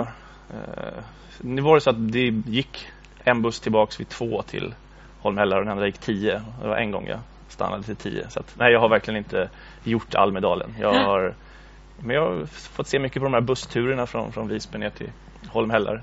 Någon där var en bortsprungen ko som alla uppmanades att spana efter. Eh, och så vidare. Så jag har fått se ett, ett, helt, annat, ett helt annat perspektiv. Apropå vår, jag får bara säga, Mm. apropå vårt samtal nu om nazister och högerextremister här så måste man ju lägga till att det är ju fantastiskt att att eh, Ösnöjen Mm. kan hålla en föreställning på Gutavallen och vara den person under Almedalsveckan som drar flest människor. Ja. Fler människor än Sveriges statsminister. Det är, det är ju rätt fascinerande. Mm. Det är en, en Almedals statsminister som Mm. gjorde en... en eh, Ja, det var en väldigt, väldigt tydlig markering. Mm. Eh, och så, när man ser de här svenskarnas parti så är det 8-10 personer. Men 6 000 personer kommer till eh, Östnöjen. Mm. Samma kväll hade ju Fi sitt, eh, sin eh, fest här i en ruin nära till var vi befinner oss. Och, eh, det, det tror jag väl var det andra exemplet på någon som nog lyckades väldigt valpeppa. Mm. Eh, Gudrun Schymans... Kan man eh, säga. Ja. Det var, Fenomenet Gudrun Ja. Schyman. i sig också. Men det talet var väldigt... Eh, dels eh, det är fint när man faktiskt kan visa att man är berörd. Hon var märkbart berörd. Eh, och framförallt var det eh, intressant ur demokratiaspekt att höra resan från de små procentenheterna till den utveckling till idag. Och framförallt påminner oss om eh, det, jag blir alltid djupt imponerad av politiker generellt, att man orkar. Och här får man ju höra om en åtta års eh, kamp och hur den har sett ut. Mm. Ja, jag håller med. Jag hade Gudrun Schyman eh, i min eh, valstuga, eller i Expressens Mm. valstuga. Och, eh, det var, ja det var, det var ju märkligt. Alltså Gudrun Schyman som företräder ett parti som ligger på 3-4 procent i, i mätningarna i bästa fall. Eh, hon drog alltså dubbelt så mycket folk till vår valstuga under Almedalsveckan som statsminister. Ja. Det var, Ja. det var makalöst. Ja. Och, och, men sen det som är riktigt intressant är ju hur hon eh, och Feministiskt initiativ har fått alla att lägga väldigt stort fokus på att lägga sina jämställdhetskort på bordet. Alla utom den jag väntade mig mest av Ja. på det området, Ja. Jonas Sjöstedt. Ja. Han pratade nästan ingenting om jämställdhet Nej. och feminism. Nej. Vilket jag tyckte var väldigt märkligt. Nu vet jag, jag hade Jan Björklund i, i eh, valstugan igår och han berättade då att han kommer att ägna sitt tal idag klockan ett nästan uteslutande åt jämställdhet och feminism. Ja. Eh, Och det är naturligtvis så att, att eh, alla de andra partierna är stressade av framgångarna för Gudrun Schyman och Feministiskt initiativ. Så är det ju. Ehm, Vi kommer, eh, tror jag, under återstoden av den här valrörelsen att få höra partiledarna prata mer jämställdhet vare sig de vill eller inte. Ja. Tror, du att det, tror du att det är framgångsrikt? Nej, det behöver det inte alls Nej. vara. Men, men de måste ju svara upp mot Ja. det som Gudrun Schyman presenterar och hon får väldigt stort utrymme. Mm. Hon Men- tar väldigt stort Men det är ju lätt, det blir så genomskinligt att man ser att uh, man, det väcker Självklart hela blir det tiden det. frågan. Mm. Är, det, är det här, hur uthålligt är det här? Ja, visst. Ehm, men... och- Framförallt skulle jag säga för allianspartierna. Mm. De behöver inte i slutspurten av en valrörelse en diskussion om jämställdhet och feminism. Eh, det, det kommer de att försöka eh, få bort från agendan men jag är inte säker på att de Mm. lyckas. Och vilka frågor tappas bort? Skolfrågan hade man ju trott i januari, februari skulle dominera fullständigt här i Almedalen. Alltså jag ska svara tråkigt, ungefär Mm. som alla våra politiker. Jag tror ju ändå i slutändan att det blir jobben som avgör. Mm. Att det, det är jobbpolitiken det handlar om. Och det är de två stora regeringsalternativen, om vi nu har två alternativ, Stefan Löfven och Fredrik Reinfeldt i alla fall, statsministerkandidaterna, de kommer ända fram till valdagen att fortsätta prata om jobben. Eh, och för väldigt många människor så är det ju det som är det mest betydelsefulla. Martin, du som lite Mm, utifrån, så här, hur tänker har, har, du, har du reflekterat över den här eh, viljan att lägga jämställdhetskorten på bordet och hur uppfattar man det, tror du? När man... Jag sprang på en amerikansk journalist, Amy Goodman från Democracy Now! Och hon var ju liksom nästan mest intresserad av Gudrun Schyman och av Feministiskt Mm. initiativ som ska komma in i riksdagen. Det var ju liksom deras eh, eh, vinkel då, förutom att pressa bild på, på Assange. Liksom, att, att det, det, var, det är ju den stora nyheten, liksom, även, även globalt börjar bli, om, om femini, Feminist Initiative och var, vilka konsekvenser det kommer få, hur det kommer rock the boat. Att, Mm. Så där börjar ju också omvärlden att titta på Sverige och, och påverkas av, av det, som nu, det som nu händer. Så det är det är spännande att se också liksom Sverige med, med andra glasögon. Alltså som- att det sticker verkligen ut. Mm. Att det påverkar politiker i Sverige men också internationella journalister och, och media kommer nog liksom skildra det och vara väldigt nyfikna på hur den, hur den resan har sett ut. Liksom, man får mycket frågor om vad liksom, är det Gudrun Schyman som person eller är det jämställdheten som idé eller vad är, vad är liksom motorn, motorn i detta? Var, varför kommer det just nu? Att det, det kommer nog diskuteras än, ännu mer framöver, Mm. verkligen. Mm. Det tror jag Det är också. ju liksom Mm. fantastiskt, alltså att, det, att den, den frågan verkligen finns på dagordningen, verkligen. Eh, Niklas, ehm, vi båda jobbar väldigt mycket under Almedalsveckan, Ja. men jag tror att du jobbar ännu mer än jag. Eh, och, och, eh, men jag börjar ju, jag går ju upp fyra på morgonen. Det har lett Ja. till att jag vet ingenting om vad som har hänt. Nej, det är Eh, lite så, så. för mig också. Ja. Jag ska sammanfatta den här veckan för mig själv Ja. nästa vecka. Ja, då ska jag ta del av allt det jag inte har hunnit Ja. ta del av. Jag ska läsa och jag ska titta på de seminarier som jag verkligen hade velat gå på men som jag inte kunde gå på. Ja. Men du har varit med lite mer eftersom du också fysiskt har befunnit dig i det som verkligen är Mm. epicentrum av Almedalen. Kan man få lite så spaningar på hur statusen för eh, det här som är kvällsaktiviteterna. Jag tyckte att det var spännande att se att hela Almedalsveckan inte bara börjar vid sju, men det fanns ju seminarier efter talen också. Absolut. Eh, minglerna känns som att de är mindre, de är ju där och det Mm. finns mötesplatser men det är ju liksom eh, det är ju inte det viktigaste alls. Det har det nog aldrig varit men de, de har varit väldigt, väldigt välbesökta. Nu känns Absolut. det som att det ser annorlunda ut. Ja, nej, men det håller jag nog med om även om eh, det har varit så mycket människor i Almedalen Mm. så det har ju varit fullt Överallt, överallt, ja. även på minglen. Mm. Eh, jag har ju varje kväll stått på en egen scen Mm. i eh, Skandias trädgård Ja. och sänt mitt eftersnack. Och där har det ju varit knökfullt i trädgården varenda kväll. Mm. Ehm, om jag ska titta lite då på det som har hänt ännu senare på Mm. kvällarna så, så eh, är det ju de här nyckelplatserna, alltså Mm. Kallis och Donnesbrunn som, som till stor del har dragit mest folk. Det är Mm. där de mest betydelsefulla har varit. Mm. Jag har ju haft mitt stambord på Donnesbrunn även i år och eh, suttit där och eh, samlat på mig en massa bakom kulisserna snack som kommer i Expressen imorgon. Det blir ett Aha, dokument som ni inte vill missa, Ja. lovar. Eh, det, det, och det är rätt fascinerande det där. Eh, det blir, det, jag tror det är tredje gången jag har skrivit ett sånt här gigantiskt dokument. Vet ni vad jag ska ägna min dag åt? Eh, jag har lämning klockan fem i eftermiddag av den artikeln. Eh, men jag har gjort det här tre gånger. Eh, och det verkar precis som att eh, partiledare och ministrar och andra eh, viktiga makthavare och beslutsfattare, de glömmer att jag har gjort det där tidigare. För de kommer fram till mig sent på kvällen, säger saker som de aldrig skulle ha sagt om de visste att, eh, att eh, det här kommer att hamna i Expressen. Det här är en annan form av att göra någonting som jag berättade i början av veckan och det är Academedias kommunikationsdirektör Paula Hammerskog. Hon sitter ju på en bänk och Mm. stickar hela Almedalsveckan. Sitter på en bänk, stickar och, och signalerar det till sin omvärld. Mm. Och de kommer förbi och även spontant att människor stannar. Det är ju hon dagtid och du på kvällstid Ja, på. Donner. Det är samma metod. Ja, absolut. Men du, vi var båda igår och firade eh, nation- den amerikanska nationaldagen. Ja. Vilken fantastisk sång vi fick höra Ja. Åh, Ja, det var jag blev helt vackert. knockad när vi fick höra Ja. nationalsången. Mm. Varför tror du att man väljer att eh, göra den aktiviteten här i Almedalen?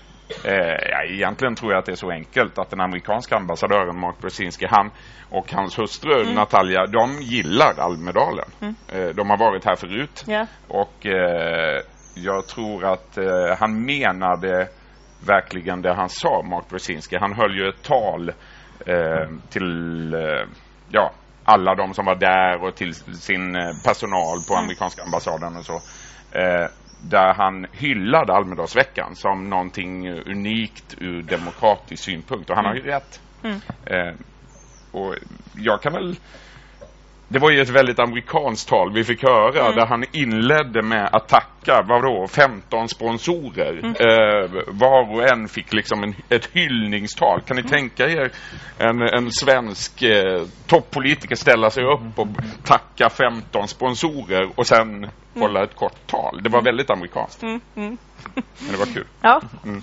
Ehm, jag hade en fråga som jag tappat bort. Nu hoppas jag att Martin eh, har tänkt något. Ehm, Skandaler. Det Skandaler. har inte Ja. varit några skandaler. Eller kommer de imorgon?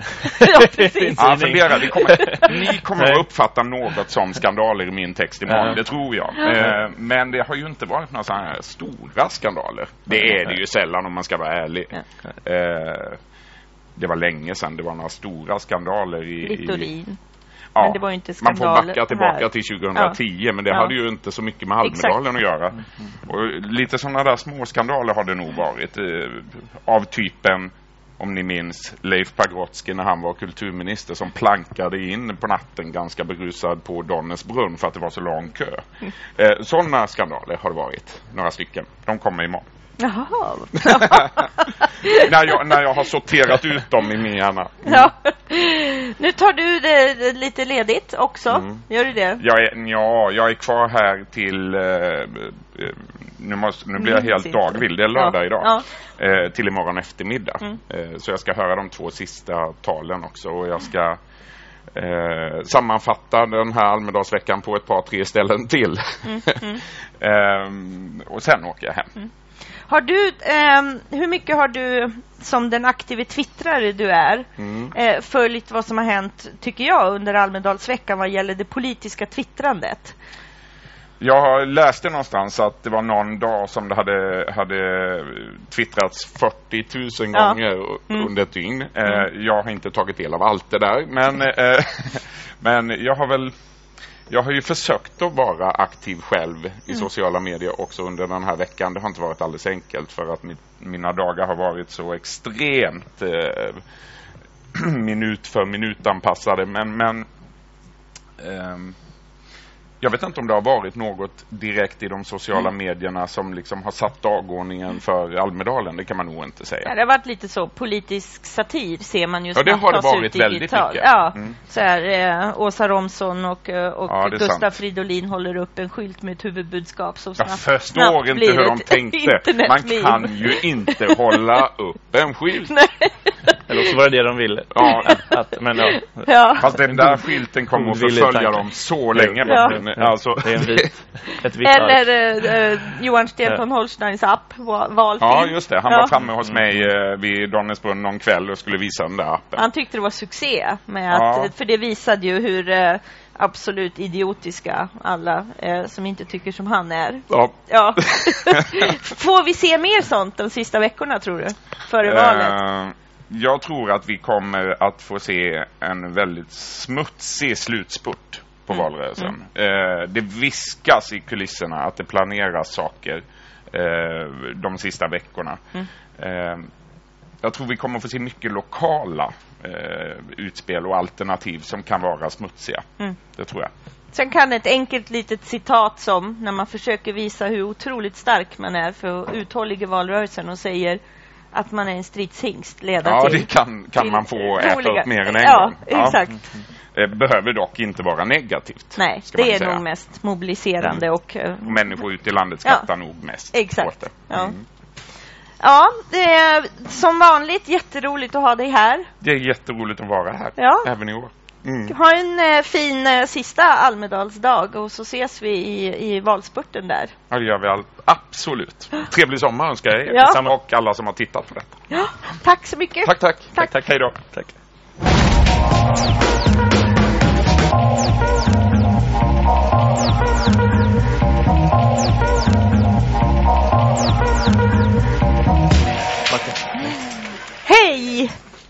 Nu från en av mina favoritgäster till en annan favoritgäst. Här har jag min eh, favoritstatsvetare, brukar jag prata om dig som. Ulf Bjärrel, professor i statsvetenskap.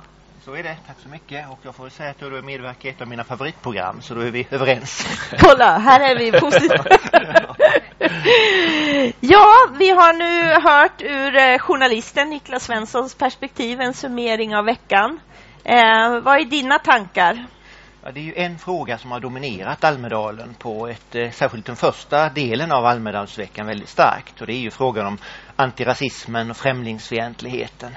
Den kom så starkt berodde ju på att det nazistiska partiet Svenskarnas parti lade beslag på dagen innan Almedalsveckan egentligen öppnades. Och att Sverigedemokraterna kom så tidigt i veckan också. Och där blev det en enorm samling, en manifestation mot rasism, mot främlingsfientlighet som präglade mycket av både debatterna under veckan och eh, mediebruset i, kring veckan. Mm. Den här, em, vi har haft här em, samtal om också vad medierna rapporterar om. Em, ha- vad är din tanke runt det, om vad man visar från Almedalen? Jag tycker ju att det har varit väldigt mycket fokus på svensk, vid sidan av det här med flyktingopinion och, och antirasism, så har det varit väldigt mycket fokus på svensk inrikespolitik i år. Och det beror ju på att det är valår och att det är bara drygt två månader kvar till valet. De politiska partierna har mobiliserat än starkare än vad de brukar göra. Och därför så är min bedömning att de traditionella inrikespolitiska frågorna och partierna har fått mer utrymme i år än vad de får ett år som inte är valår. Mm. När det gäller just eh, rasismen och rapporteringen kring den så delar jag verkligen den, den bilden att det är det som människor pratar om, om just eh, nazistiska, rasistiska partier och också liksom motståndet mot dem, de demonstrationer som har varit och vi hörde om Özz Nojens eh, statsministershow som drog Ja. 6000 personer och sådär. Men det kom också forskning, statsvetenskaplig forskning nu i veckan som, som visade att, att Sverige inte hade blivit mer mm, främlingsfientligt. Ja, det Och, och det, den debatterades ju en del. Kan du eh, Ja, så berätta om den? Är det så man- det ser ut? Ja, så när man, eh, när man följer debatten om Sverigedemokraterna och svenskarnas parti och så, så får man ju lätt intrycket av att rasismen har ökat i Sverige, att främlingsfientligheten har ökat i Sverige. Men så är det ju faktiskt inte, åtminstone inte om man definierar rasism i termer av vad svenska folket tycker och svenska folkets attityder. Där är det två saker som är väldigt positiva. Det ena är att eh, rasismen har minskat, främlingsfientligheten har minskat i Sverige de senaste decennierna. Det finns en klar och entydig trend som visar att svenska folket är betydligt mer positivt till invandrare och till invandring idag än, än tidigare. Det andra som är positivt, i alla fall kanske för oss som lever här i Sverige och de som kommer hit, det är att det finns inget annat land i hela Europa eller i, egentligen skulle jag vilja säga i hela världen där eh, opinionen är så positiv till invandring som är i Sverige. Det betyder inte att man förminskar de problem som finns. Det får ju absolut inte bli så att man förminskar den rasism som finns. Men tvärtom tycker jag att man då kan finna glädje och styrka och ta nya tag i kampen mot rasismen eftersom det visar sig att den kampen faktiskt lönar sig och att den har lönat sig extra bra i Sverige. Mm-hmm. Tycker du att politikerna under veckan har, har plockat upp de här stämningarna som har funnits kring, kring antirasism på ett, på Ja, ett det bra tycker sätt? jag nog och det har de väl nog gjort av två skäl. För det första så tycker jag att svenska, folk, eh, svenska partierna är trovärdiga i, i de här frågorna. Vi har ju Sverigedemokraterna som ett vågmästarparti i riksdagen. Men alliansregeringen har varit väldigt noga med att inte låta Sverigedemokraterna få utrymme, i, få inflytande över den förda politiken. Och där har man funnits en överenskommelse mellan den rödgröna oppositionen och alliansregeringen att inte låta så ske och det har man faktiskt inte heller gjort.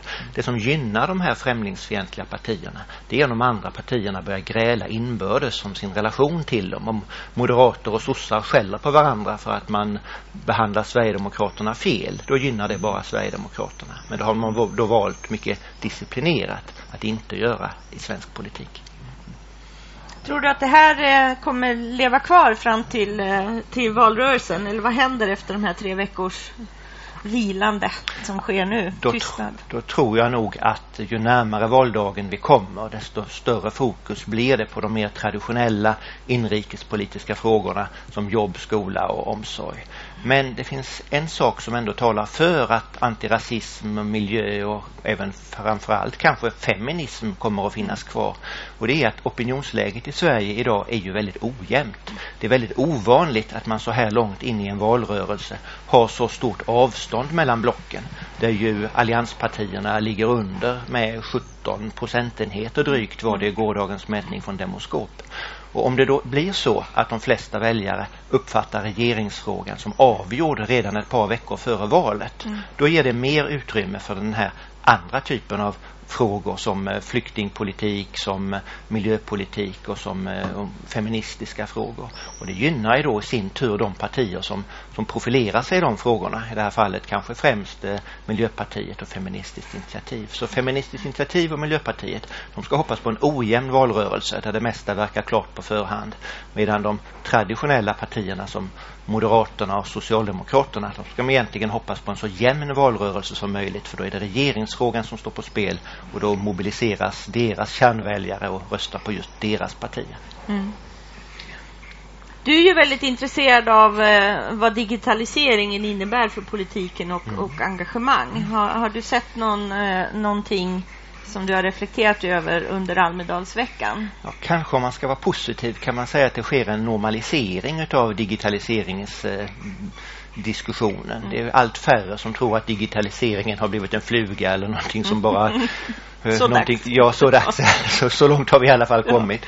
Jag tror att det finns i alla partier nu en insikt om att det här har kommit för att stanna. Det här är framtiden. Här gäller det att formulera sig. Här gäller det att skapa plattformar. Här gäller det att ta de nya strukturen i besittning.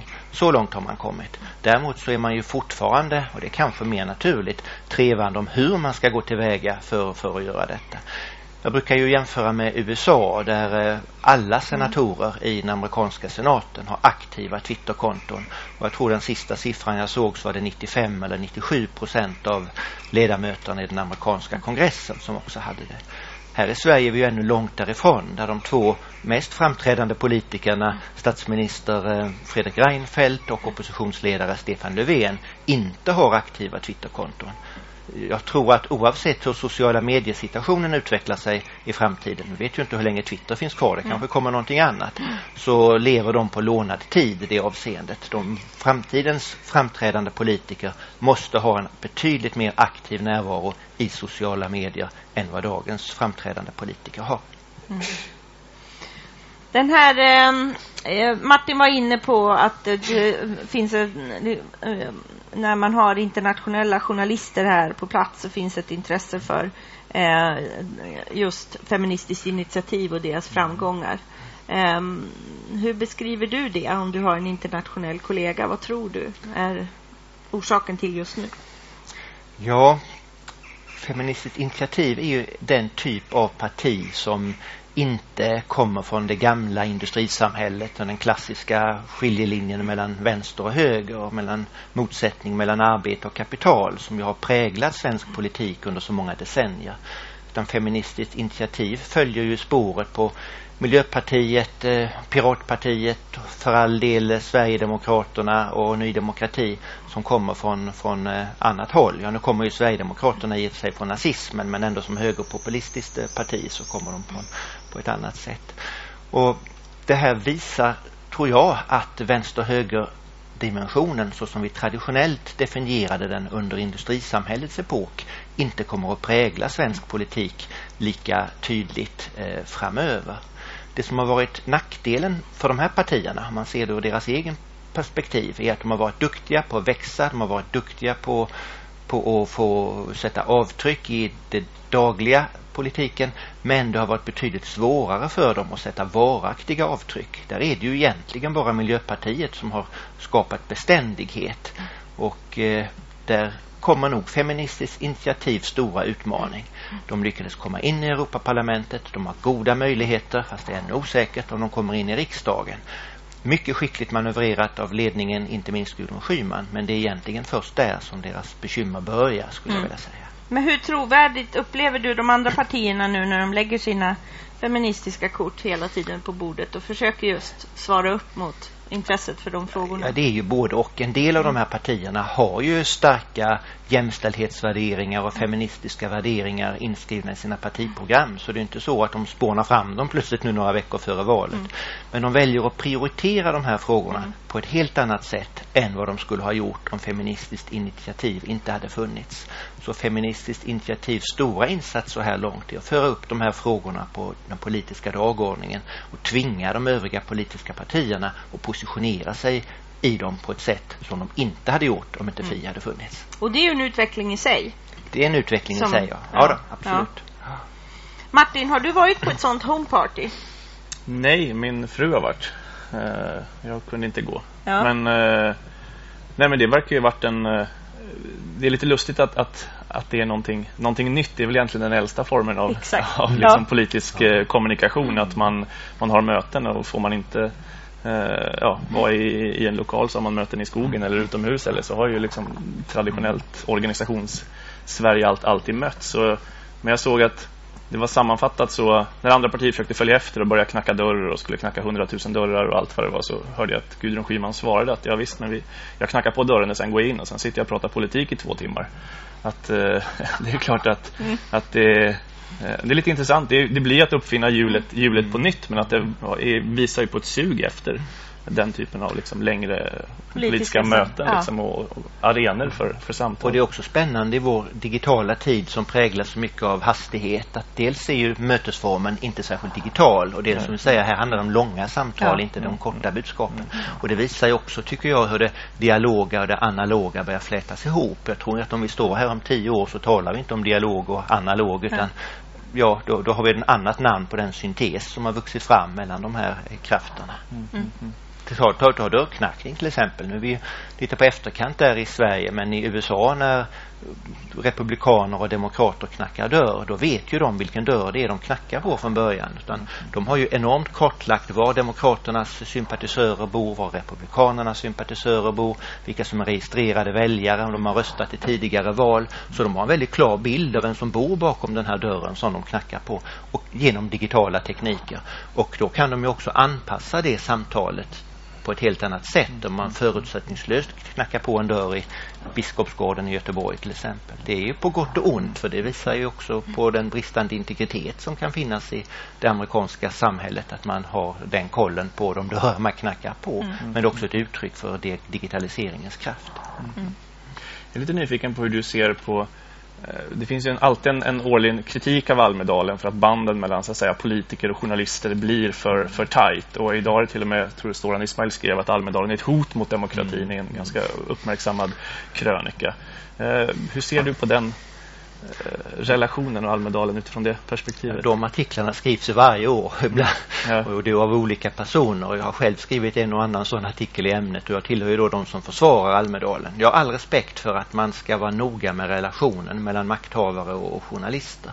Men min bild av Almedalen är ju att den mångfald och de möten och de debatter och det intresse för politik som ändå kommer i fokus i Almedalen vida överstiger de negativa sidor som ett alltför idogt minglande mellan politiker och journalister och andra makthavare kan ha föra med sig. Mhm.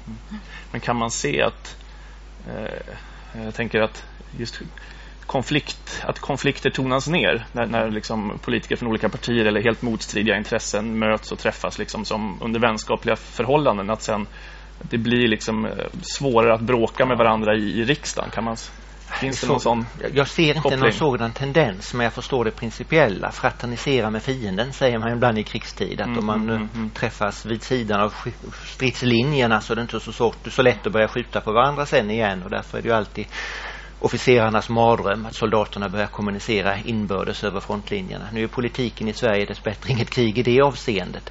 Men jag tror egentligen inte det. Jag tror att här finns det istället en möjlighet att låta de värdeskillnader som finns och de intresseskillnader som finns ändå ta sig politiska intryck men utan att det blir personligt och kanske att man också genom att se den andra politikern som en människa väljer att inte heller använda de mest enfaldiga argumenten eller de mest eh, eh strategiska i negativ mening tillvägagångssätten utan att det kanske till och med i den bästa av världar kan bli ett bättre politiskt samtal. Där är jag kanske naiv men, men i alla fall.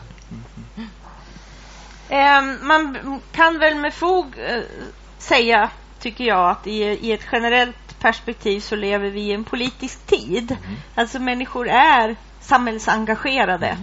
Att man sen kanske ibland inte gör kopplingen till politik är ju mest mm. politikens utmaning att, mm. att uppfattas som relevant. Eh, vad tänker du kring den, det perspektivet? Här finns det en spänning för du är alldeles rätt det du säger att människors politiska engagemang är ju sannoliken inte mindre idag än tidigare. Mm. Men detta politiska engagemang kanaliseras ju då inte genom de institutioner som det egentligen är tänkt ska kanalisera dem, det vill säga de politiska partierna. Mm. Med något undantag så är de politiska partierna betydligt svårare att värva nya medlemmar idag. Och allt färre personer vill gå in i ett politiskt parti och ta ansvar för en politisk helhet. Vi lever ju i en individualiserad tid. Det är väldigt mycket fokus på individen, det individuella varumärket och individens rättigheter inte minst. Och det gör att allt fler människor väljer att låta sitt politiska intresse, sitt politiska engagemang utföras på plattformar som är mer enfrågefrågor. Det kan vara mänskliga rättigheter, det kan vara djurrätt, det kan vara miljöfrågor. Man vill gå in under en begränsad tid, vara aktiv, göra en insats och sen gå vidare till, till andra områden. Men gå in i det här långsiktiga arbetet i ett politiskt parti och sitta på möten och, mm. och traggla kanske en del mm. tycker, det, det är betydligt mindre populärt idag än tidigare.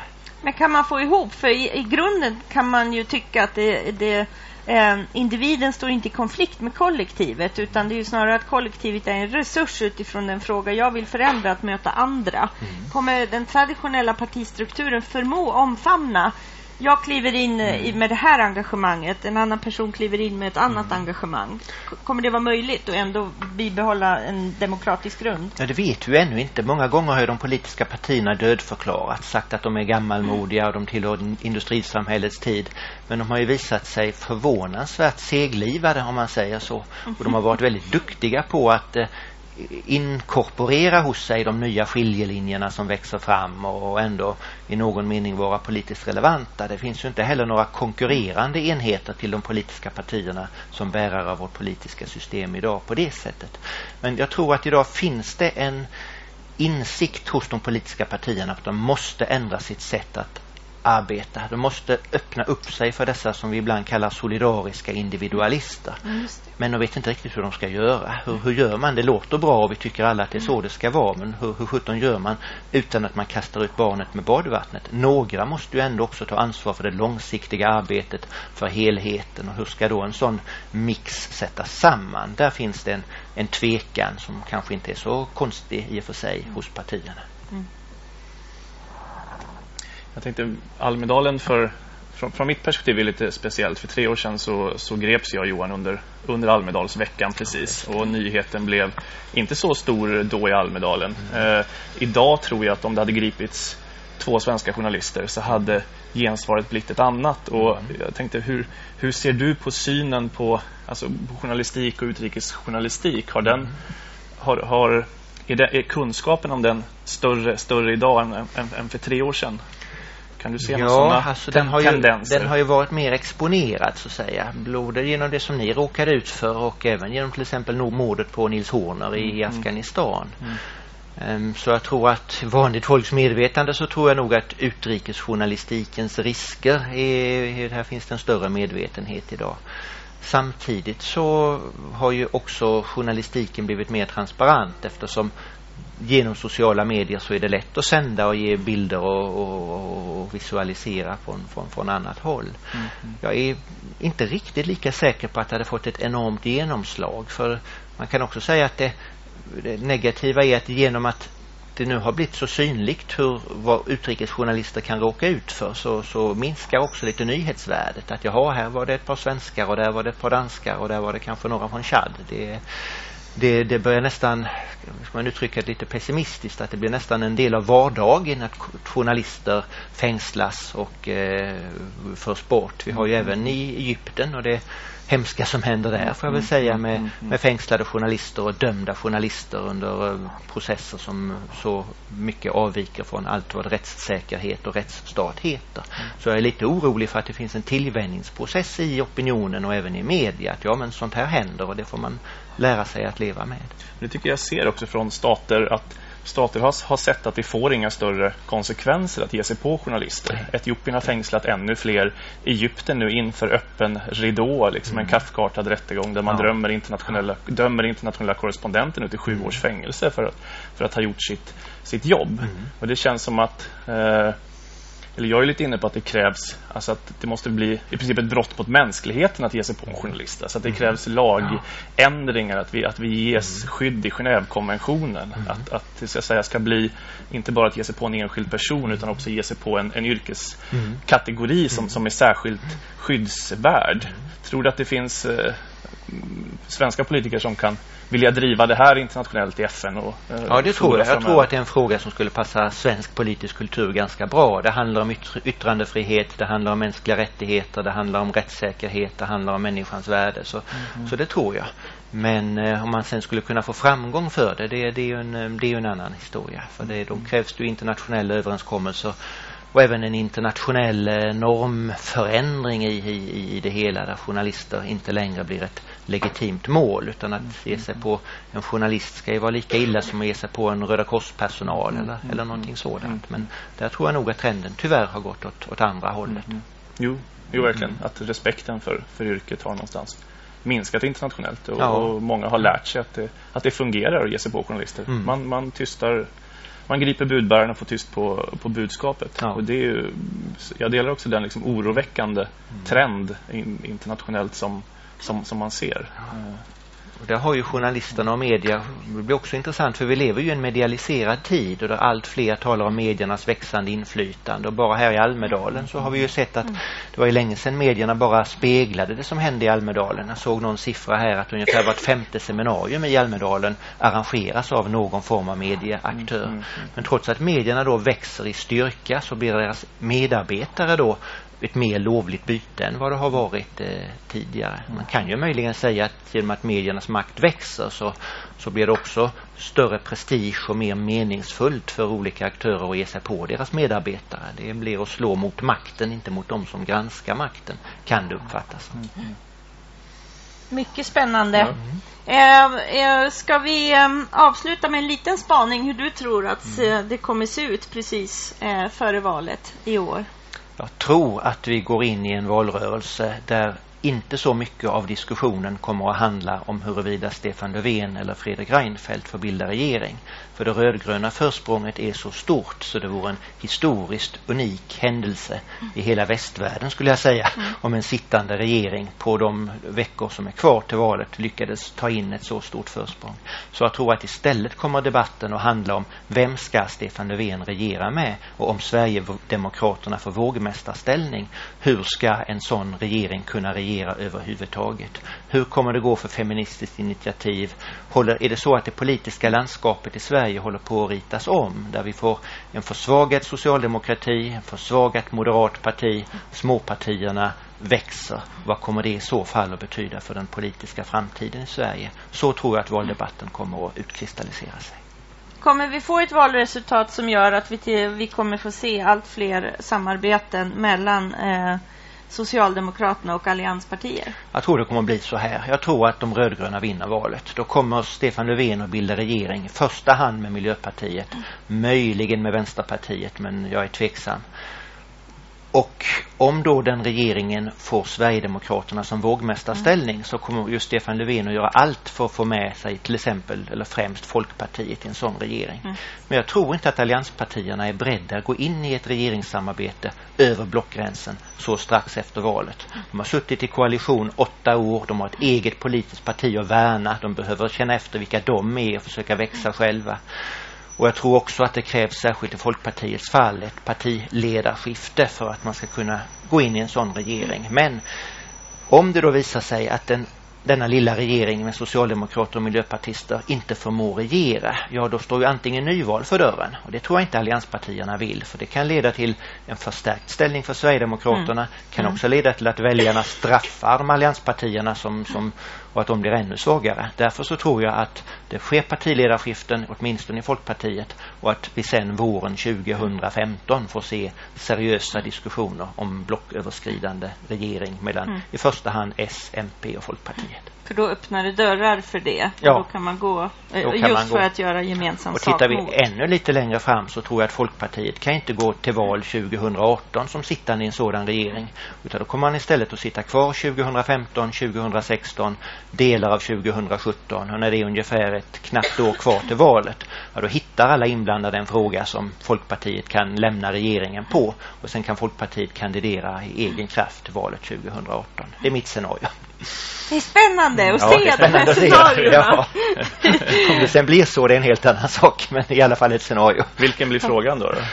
Som, eh, som de går med som på de ska gå med på. på. Det blir nog en traditionell vänster-höger fråga. Det, det, tror jag. Vilken det blir, det, det, det är svårt. Det kan vara en liten fråga. Vi ska inte glömma, inte en liten, men en specifik fråga som vi idag inte ser. Vi ska ju komma ihåg att Centerpartiet ju en gång lämnade en borgerlig regering på Öresundsbron i protest mot att den bron skulle byggas. Det kan finnas sådana frågor i pipelinen som vi idag inte ser. Stort tack. Ja, tack själva. Ja. Tack. Tack. Tack. Tack.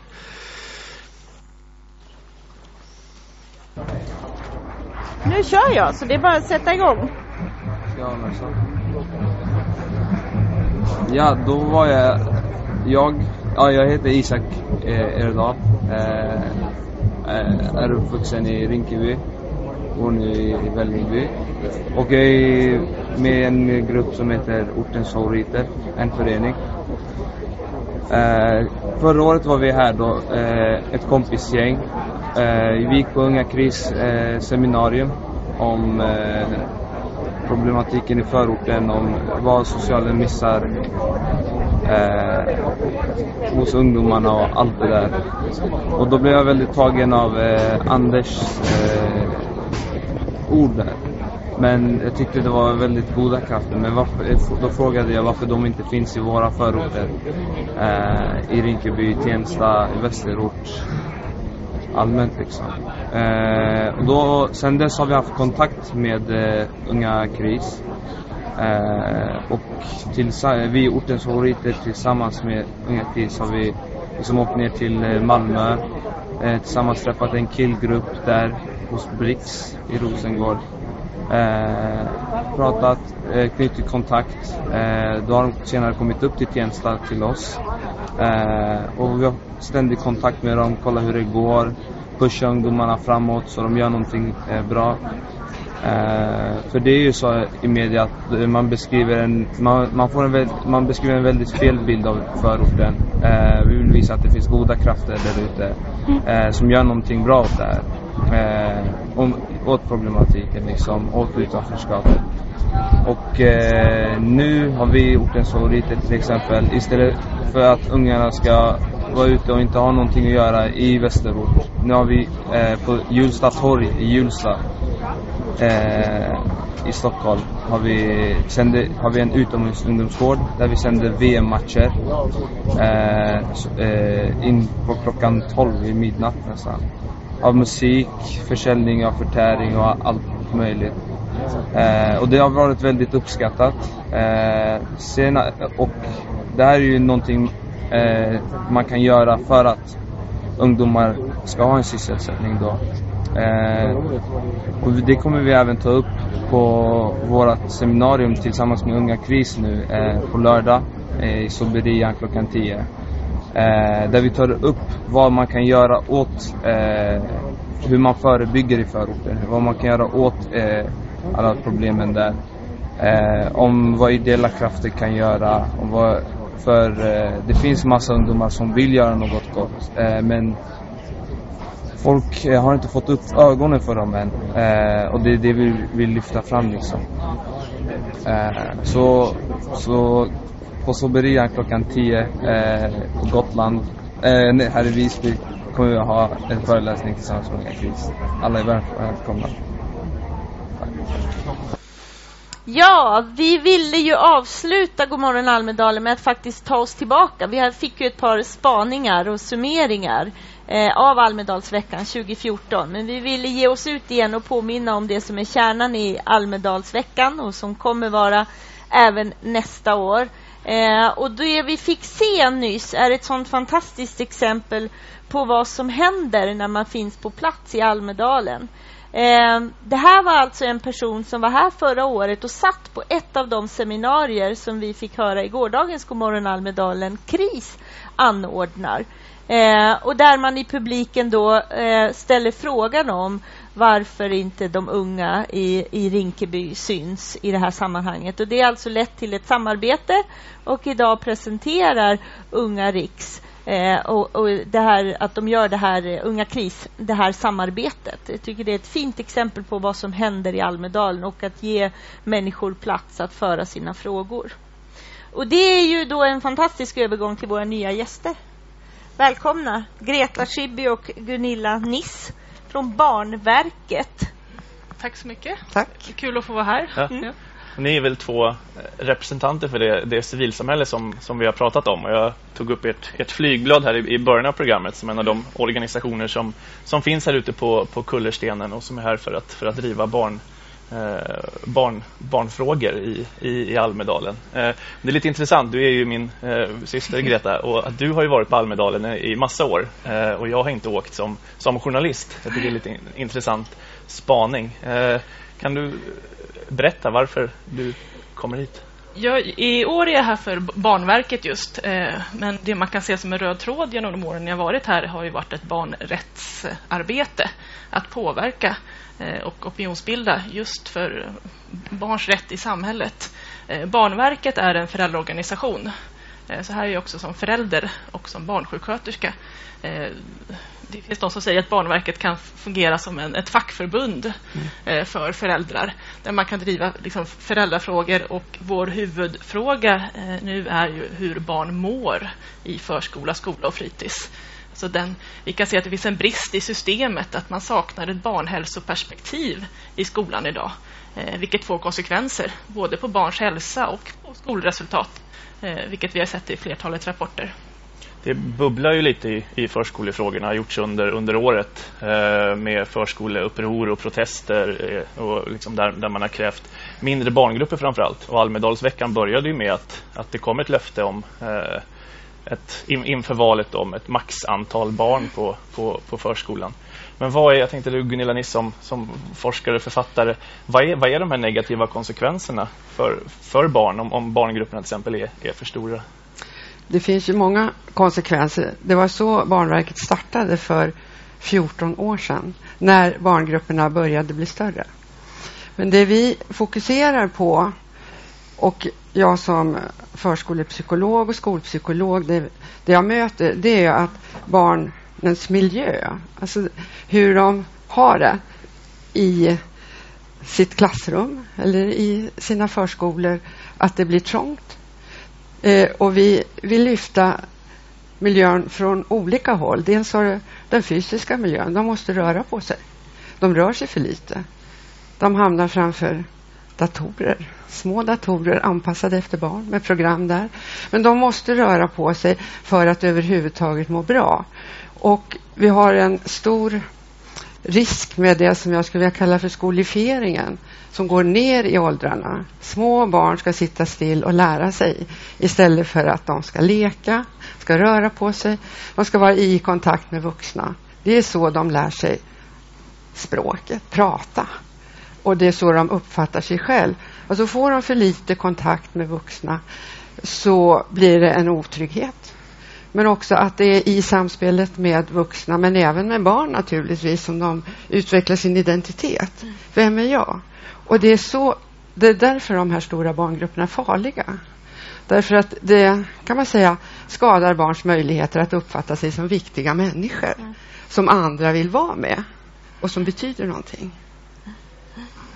Känner ni att ni har fått, fått gehör för de kraven? alltså här, här i Almedalen, att det finns ett, ett intresse av att ta till sig den här forskningen och erfarenheterna som, som, som ryms inom en organisation? Ja, både och. Men vi känner mycket, vi pratar ju mycket för redan frälsta. Eh, pratar med föräldrar. Vi har haft mötesplats i år här, eh, två dagar. Eh, och pratat med väldigt många olika föräldrar där väldigt många upplever problem. Eh, och det är ju ingen som kan vara negativ till den liksom, programförklaringen här som vi har. Nej. Eh, att det är ju det, det, är svårt att säga att barn inte ska må bra. Det är, det är svårt att säga liksom, att barn inte ska ha rätt att utvecklas optimalt i förskola, skola och fritids. Det vi känner som saknas i den politiska debatten att man pratar en hel del skola. Men det här med var, varför ser det ut som det gör? Varför sjunker skolresultaten? Varför ökar barns psykiska ohälsa? Vad är det som saknas i systemet? Och det är det Barnverket mycket försöker lyfta här. Och vad är det som saknas? Ett barnhälsoperspektiv. Att vi måste kunna se, för att barn ska lära sig, för att barn ska kunna utvecklas, så måste de må bra. De måste vara i miljöer som, som främjar deras utveckling. Och då är ju rörelsens eh, är ju väldigt viktig det. Och det. Där hamnar ju barngruppsstorlekar både i förskola men också skola och framförallt fritids som är extremt stora barngrupper. Att det är väldigt få vuxna, väldigt mycket barn, det blir bullrigt, det blir jobbigt, det ökar stressen. Det har man ju sett många forskningsrapporter på Eh, redan från 80-talet vad det gör med stress, stresshalten hos barnen.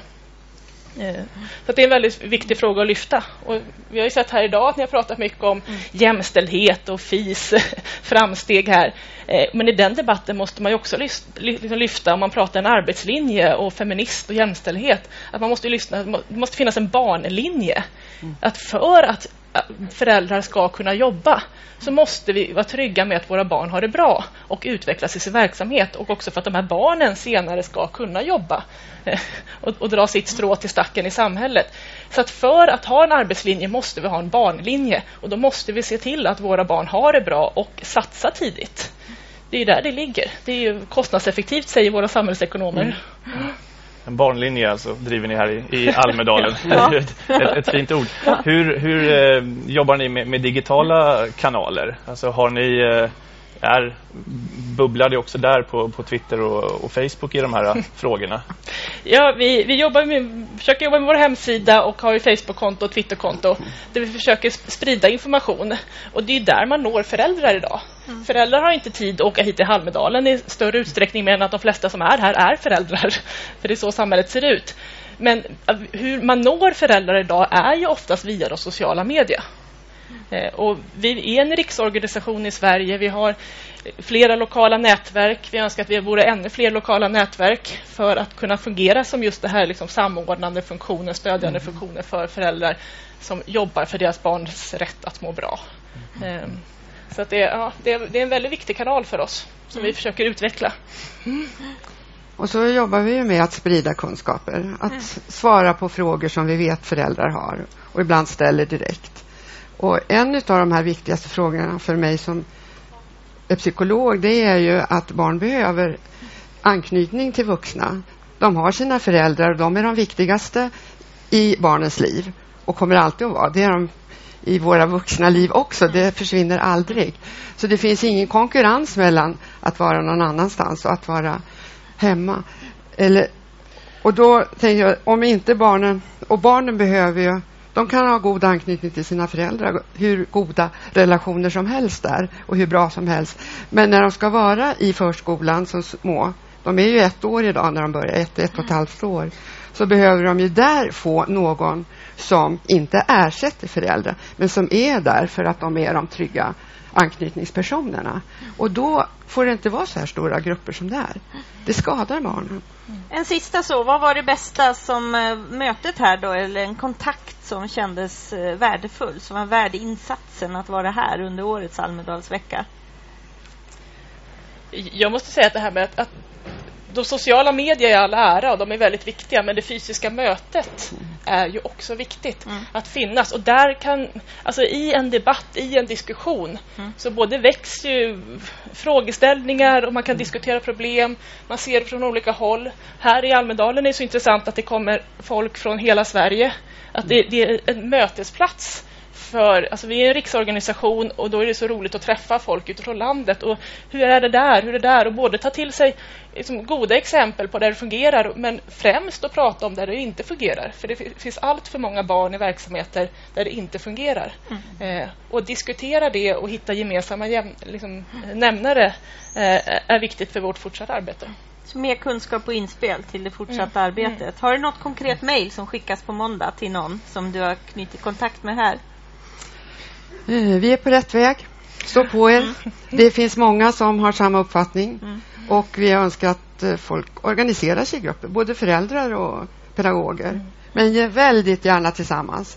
För vi vet ju att det finns en tystnadskultur idag som är oroväckande.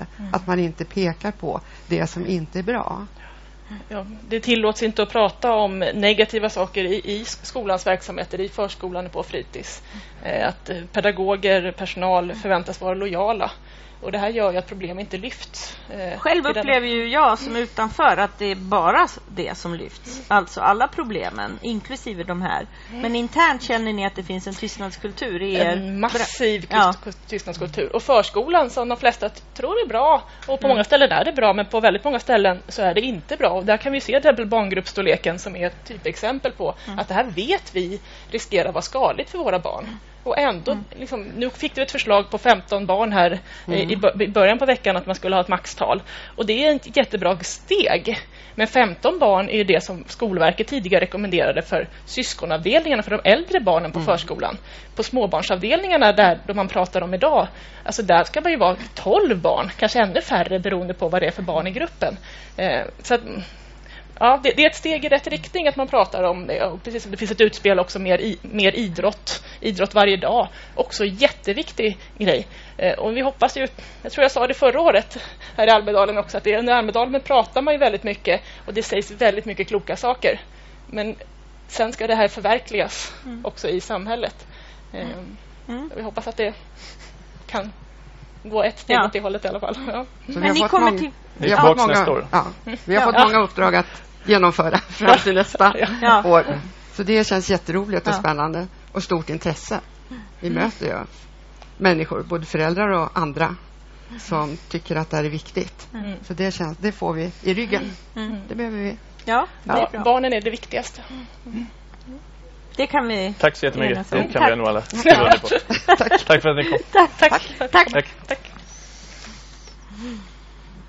Ja, Martin. Ja. Eh, du är ju nybliven förälder. Ja. Jag hade hoppats att jag skulle få hälsa på din lilla tjej här, men hon är inte morgonpigg just idag. Nej, och vi har bott så fint nere vid, vid havet, hon ja. min fru Linnea. Och jag har varit, varit mer där än, än här uppe i, i Visby. Så mm. det, blir, det blir någon annan gång. Men det är klart det väcker andra, andra frågor. Man har aldrig tänkt över vilka förskolor som finns runt där man bor och nu, nu väcks sådana såna tankar. Nu ser du förskolor och Nu ser jag förskolor precis överallt. Ja. så att det känns det bra att ha en, en lilla syster som är eh, slåss för förskolorna också. Ja. Du, nu är vår eh, timme slut här, eller en och en halv timme menar jag ju att det var. Hur var mm det mhm. här då? Jo, det, det känns som du är en trygg eh, rouge, rougeperson. Eh, verkligen. Det, eh, nej men det, det är nödvändigt att, att stanna upp och, och, reflektera och se tillbaka och, och, och fråga sig själv vad, eh, var, varför åker man hit? Vad vill man ha ut av det? Och, mm. har, det gett, eh, har det gett resultat? Det, det minne som jag verkligen tar med mig från Almedalen trots att jag var här uppe så pass kort det är när jag sprang ihop med Amy Goodman från Democracy Now mm. och hon bara, det är du som var fängslad i Etiopien ja det är du som leder Democracy Now och så gjorde vi en halvtimmes intervju om, om det för, för en amerikansk publik det kändes som ett sånt fantastisk grej som inte hade skett om, om jag inte hade varit här och gått, gått på kullerstenen ja. så att det eh, finns verkligen de, de möjligheterna mm. Bra exempel som får avsluta Godmorgon Almedalen. Men först måste vi ju passa på och låta er se eh, den fantastiska arena som Hej Digitalt har funnits på. Och inte bara är det så att jag har fått jobba tillsammans med Emma Ignell och Beata Wickbom utan vi har haft ett helt team eh, alla helt fantastiska. Vi har Mediatek som har gjort eh, tekniken. Eh, vi har Lukas Lindell som har gjort vår fina vignett. Vi har Sischen som samarbetspartner. Eh, och sen har vi ju ett gäng som jag tror några av er är kvar här. Eh, och jag tror att vi passar på att låta kameran gå ut lite till er. Vi kan väl utnyttja eh, arenan här, så om ni går och ställer er vid hörnet vid poolen, ni tre. Eh, Elin, Lin och Maria. Ja, kameran följer er dit. Ja, så ehm, för då gestaltar ni lite grann det här hur den här arenan också har kunnat skapa en ny mötesplats. Vi tre som eh, jobbade med Hej Digital tänkte ju verkligen tre män bakom ett ståbord skulle inte eh, vara vad vi ville. Eh, nu står ni mitt i en arena som ofta har varit fylld av människor som har suttit på olika platser. Eh, ljudet har varit lika tydligt och bilderna har varit lika tydliga oberoende av var man har suttit. Vilka är ni tre som har varit så viktiga i det eh, arbete vi har gjort i veckan? Varsågod. Ja, jag heter Lin Kleiven och jag har jobbat med Britt genom många, många år. Jag tror det här är 20 året som mm. vi har ett projekt på något sätt tillsammans. Så mm. jag kom in ganska i ett sent stadie för att hjälpa till med GMA. Så jag har väl mest varit resurs genom att fotat och skött de sociala medierna. Mm. Ja, och jag heter Elin Hoffmeister och har varit med som produktionsledare här och eh, skött logistik och möblering och att allt funkar när, när väl programpunkten sätter igång. Mm. Ja, och jag heter Maria Gustafsson, Miku Maria, på sociala medier. Också med Britt sen inte så många år, men kanske sen 2009, första året här tycker det är jättekul att vara på plats. För jag jobbar ju annars med mötesplatser och digitalisering i Västra Götalandsregionen. Och eh, speciellt inom sjöfarten just nu. Därför har det också varit på spännande dagar med att börja dagarna här med Godmorgon Almedalen för att sen sova några timmar och sen ta vid sjöfartsutmaningarna på eftermiddagarna och för att mingla på kvällarna. Jag har också passat på att testa att reflektera varenda dag eh, i en Mikupodd Eh, vilket har visat sig vara väldigt svårt. Så jag skulle vilja lämna som förslag till kommande år och arrangörer att faktiskt försöka skapa någon plats för reflektion och kanske samtalsserier där man kan träffas dag efter dag för att bygga på de reflektionerna. Det är väldigt mycket nu och eh, eh, nedstamp i olika frågor. Men varför inte försöka bygga ut det och använda alla smarta människor som finns på plats och alla opinionsbildare och politiker och journalister för att faktiskt komma ut med mycket av det smarta som finns här den här veckan. Elin, som eh, produktionsledare här, vad, vad är ditt, ditt, ditt, finaste moment här som du kände, nu har jag fått bitarna på plats här? Du har slitit hårt för att få allt att fungera här. Men belöningen är ju att se att det kommer så mycket folk och, och att de, de, trivs i den här miljön. Vi har ju verkligen försökt att skapa en, en avslappnad oas och att man ska känna sig hemma här. Och, ja, det känns som att vi har lyckats. Vi har fått bra respons från, från all, all vår publik och det är ju det som är belöningen för allt hårt slit. Mm. Enligt mig. Ja, om vi får tillbaka kameran till oss så kan vi väl eh, säga lite tack och hej. För mig är det ju en förmån att eh, få avsluta sju år på JMV genom att göra det med Godmorgon Almedalen. Och vi säger väl lite sådär att vi ses väl i Almedalen nästa år, eller hur? Absolut. Ja. Tack och hej allihop. Tack och hej. Sverige 2014. Något händer på Gotland. I Almedalen i Visby samlas under en vecka åtta partier. Till över 3000 evenemang kommer det tiotusentals besökare och mitt i allt det här finns det åtta programledare en morgonsändning. Och dit kommer det massor med gäster. Så nu är det dags att vakna. Och det här är God morgon Almedalen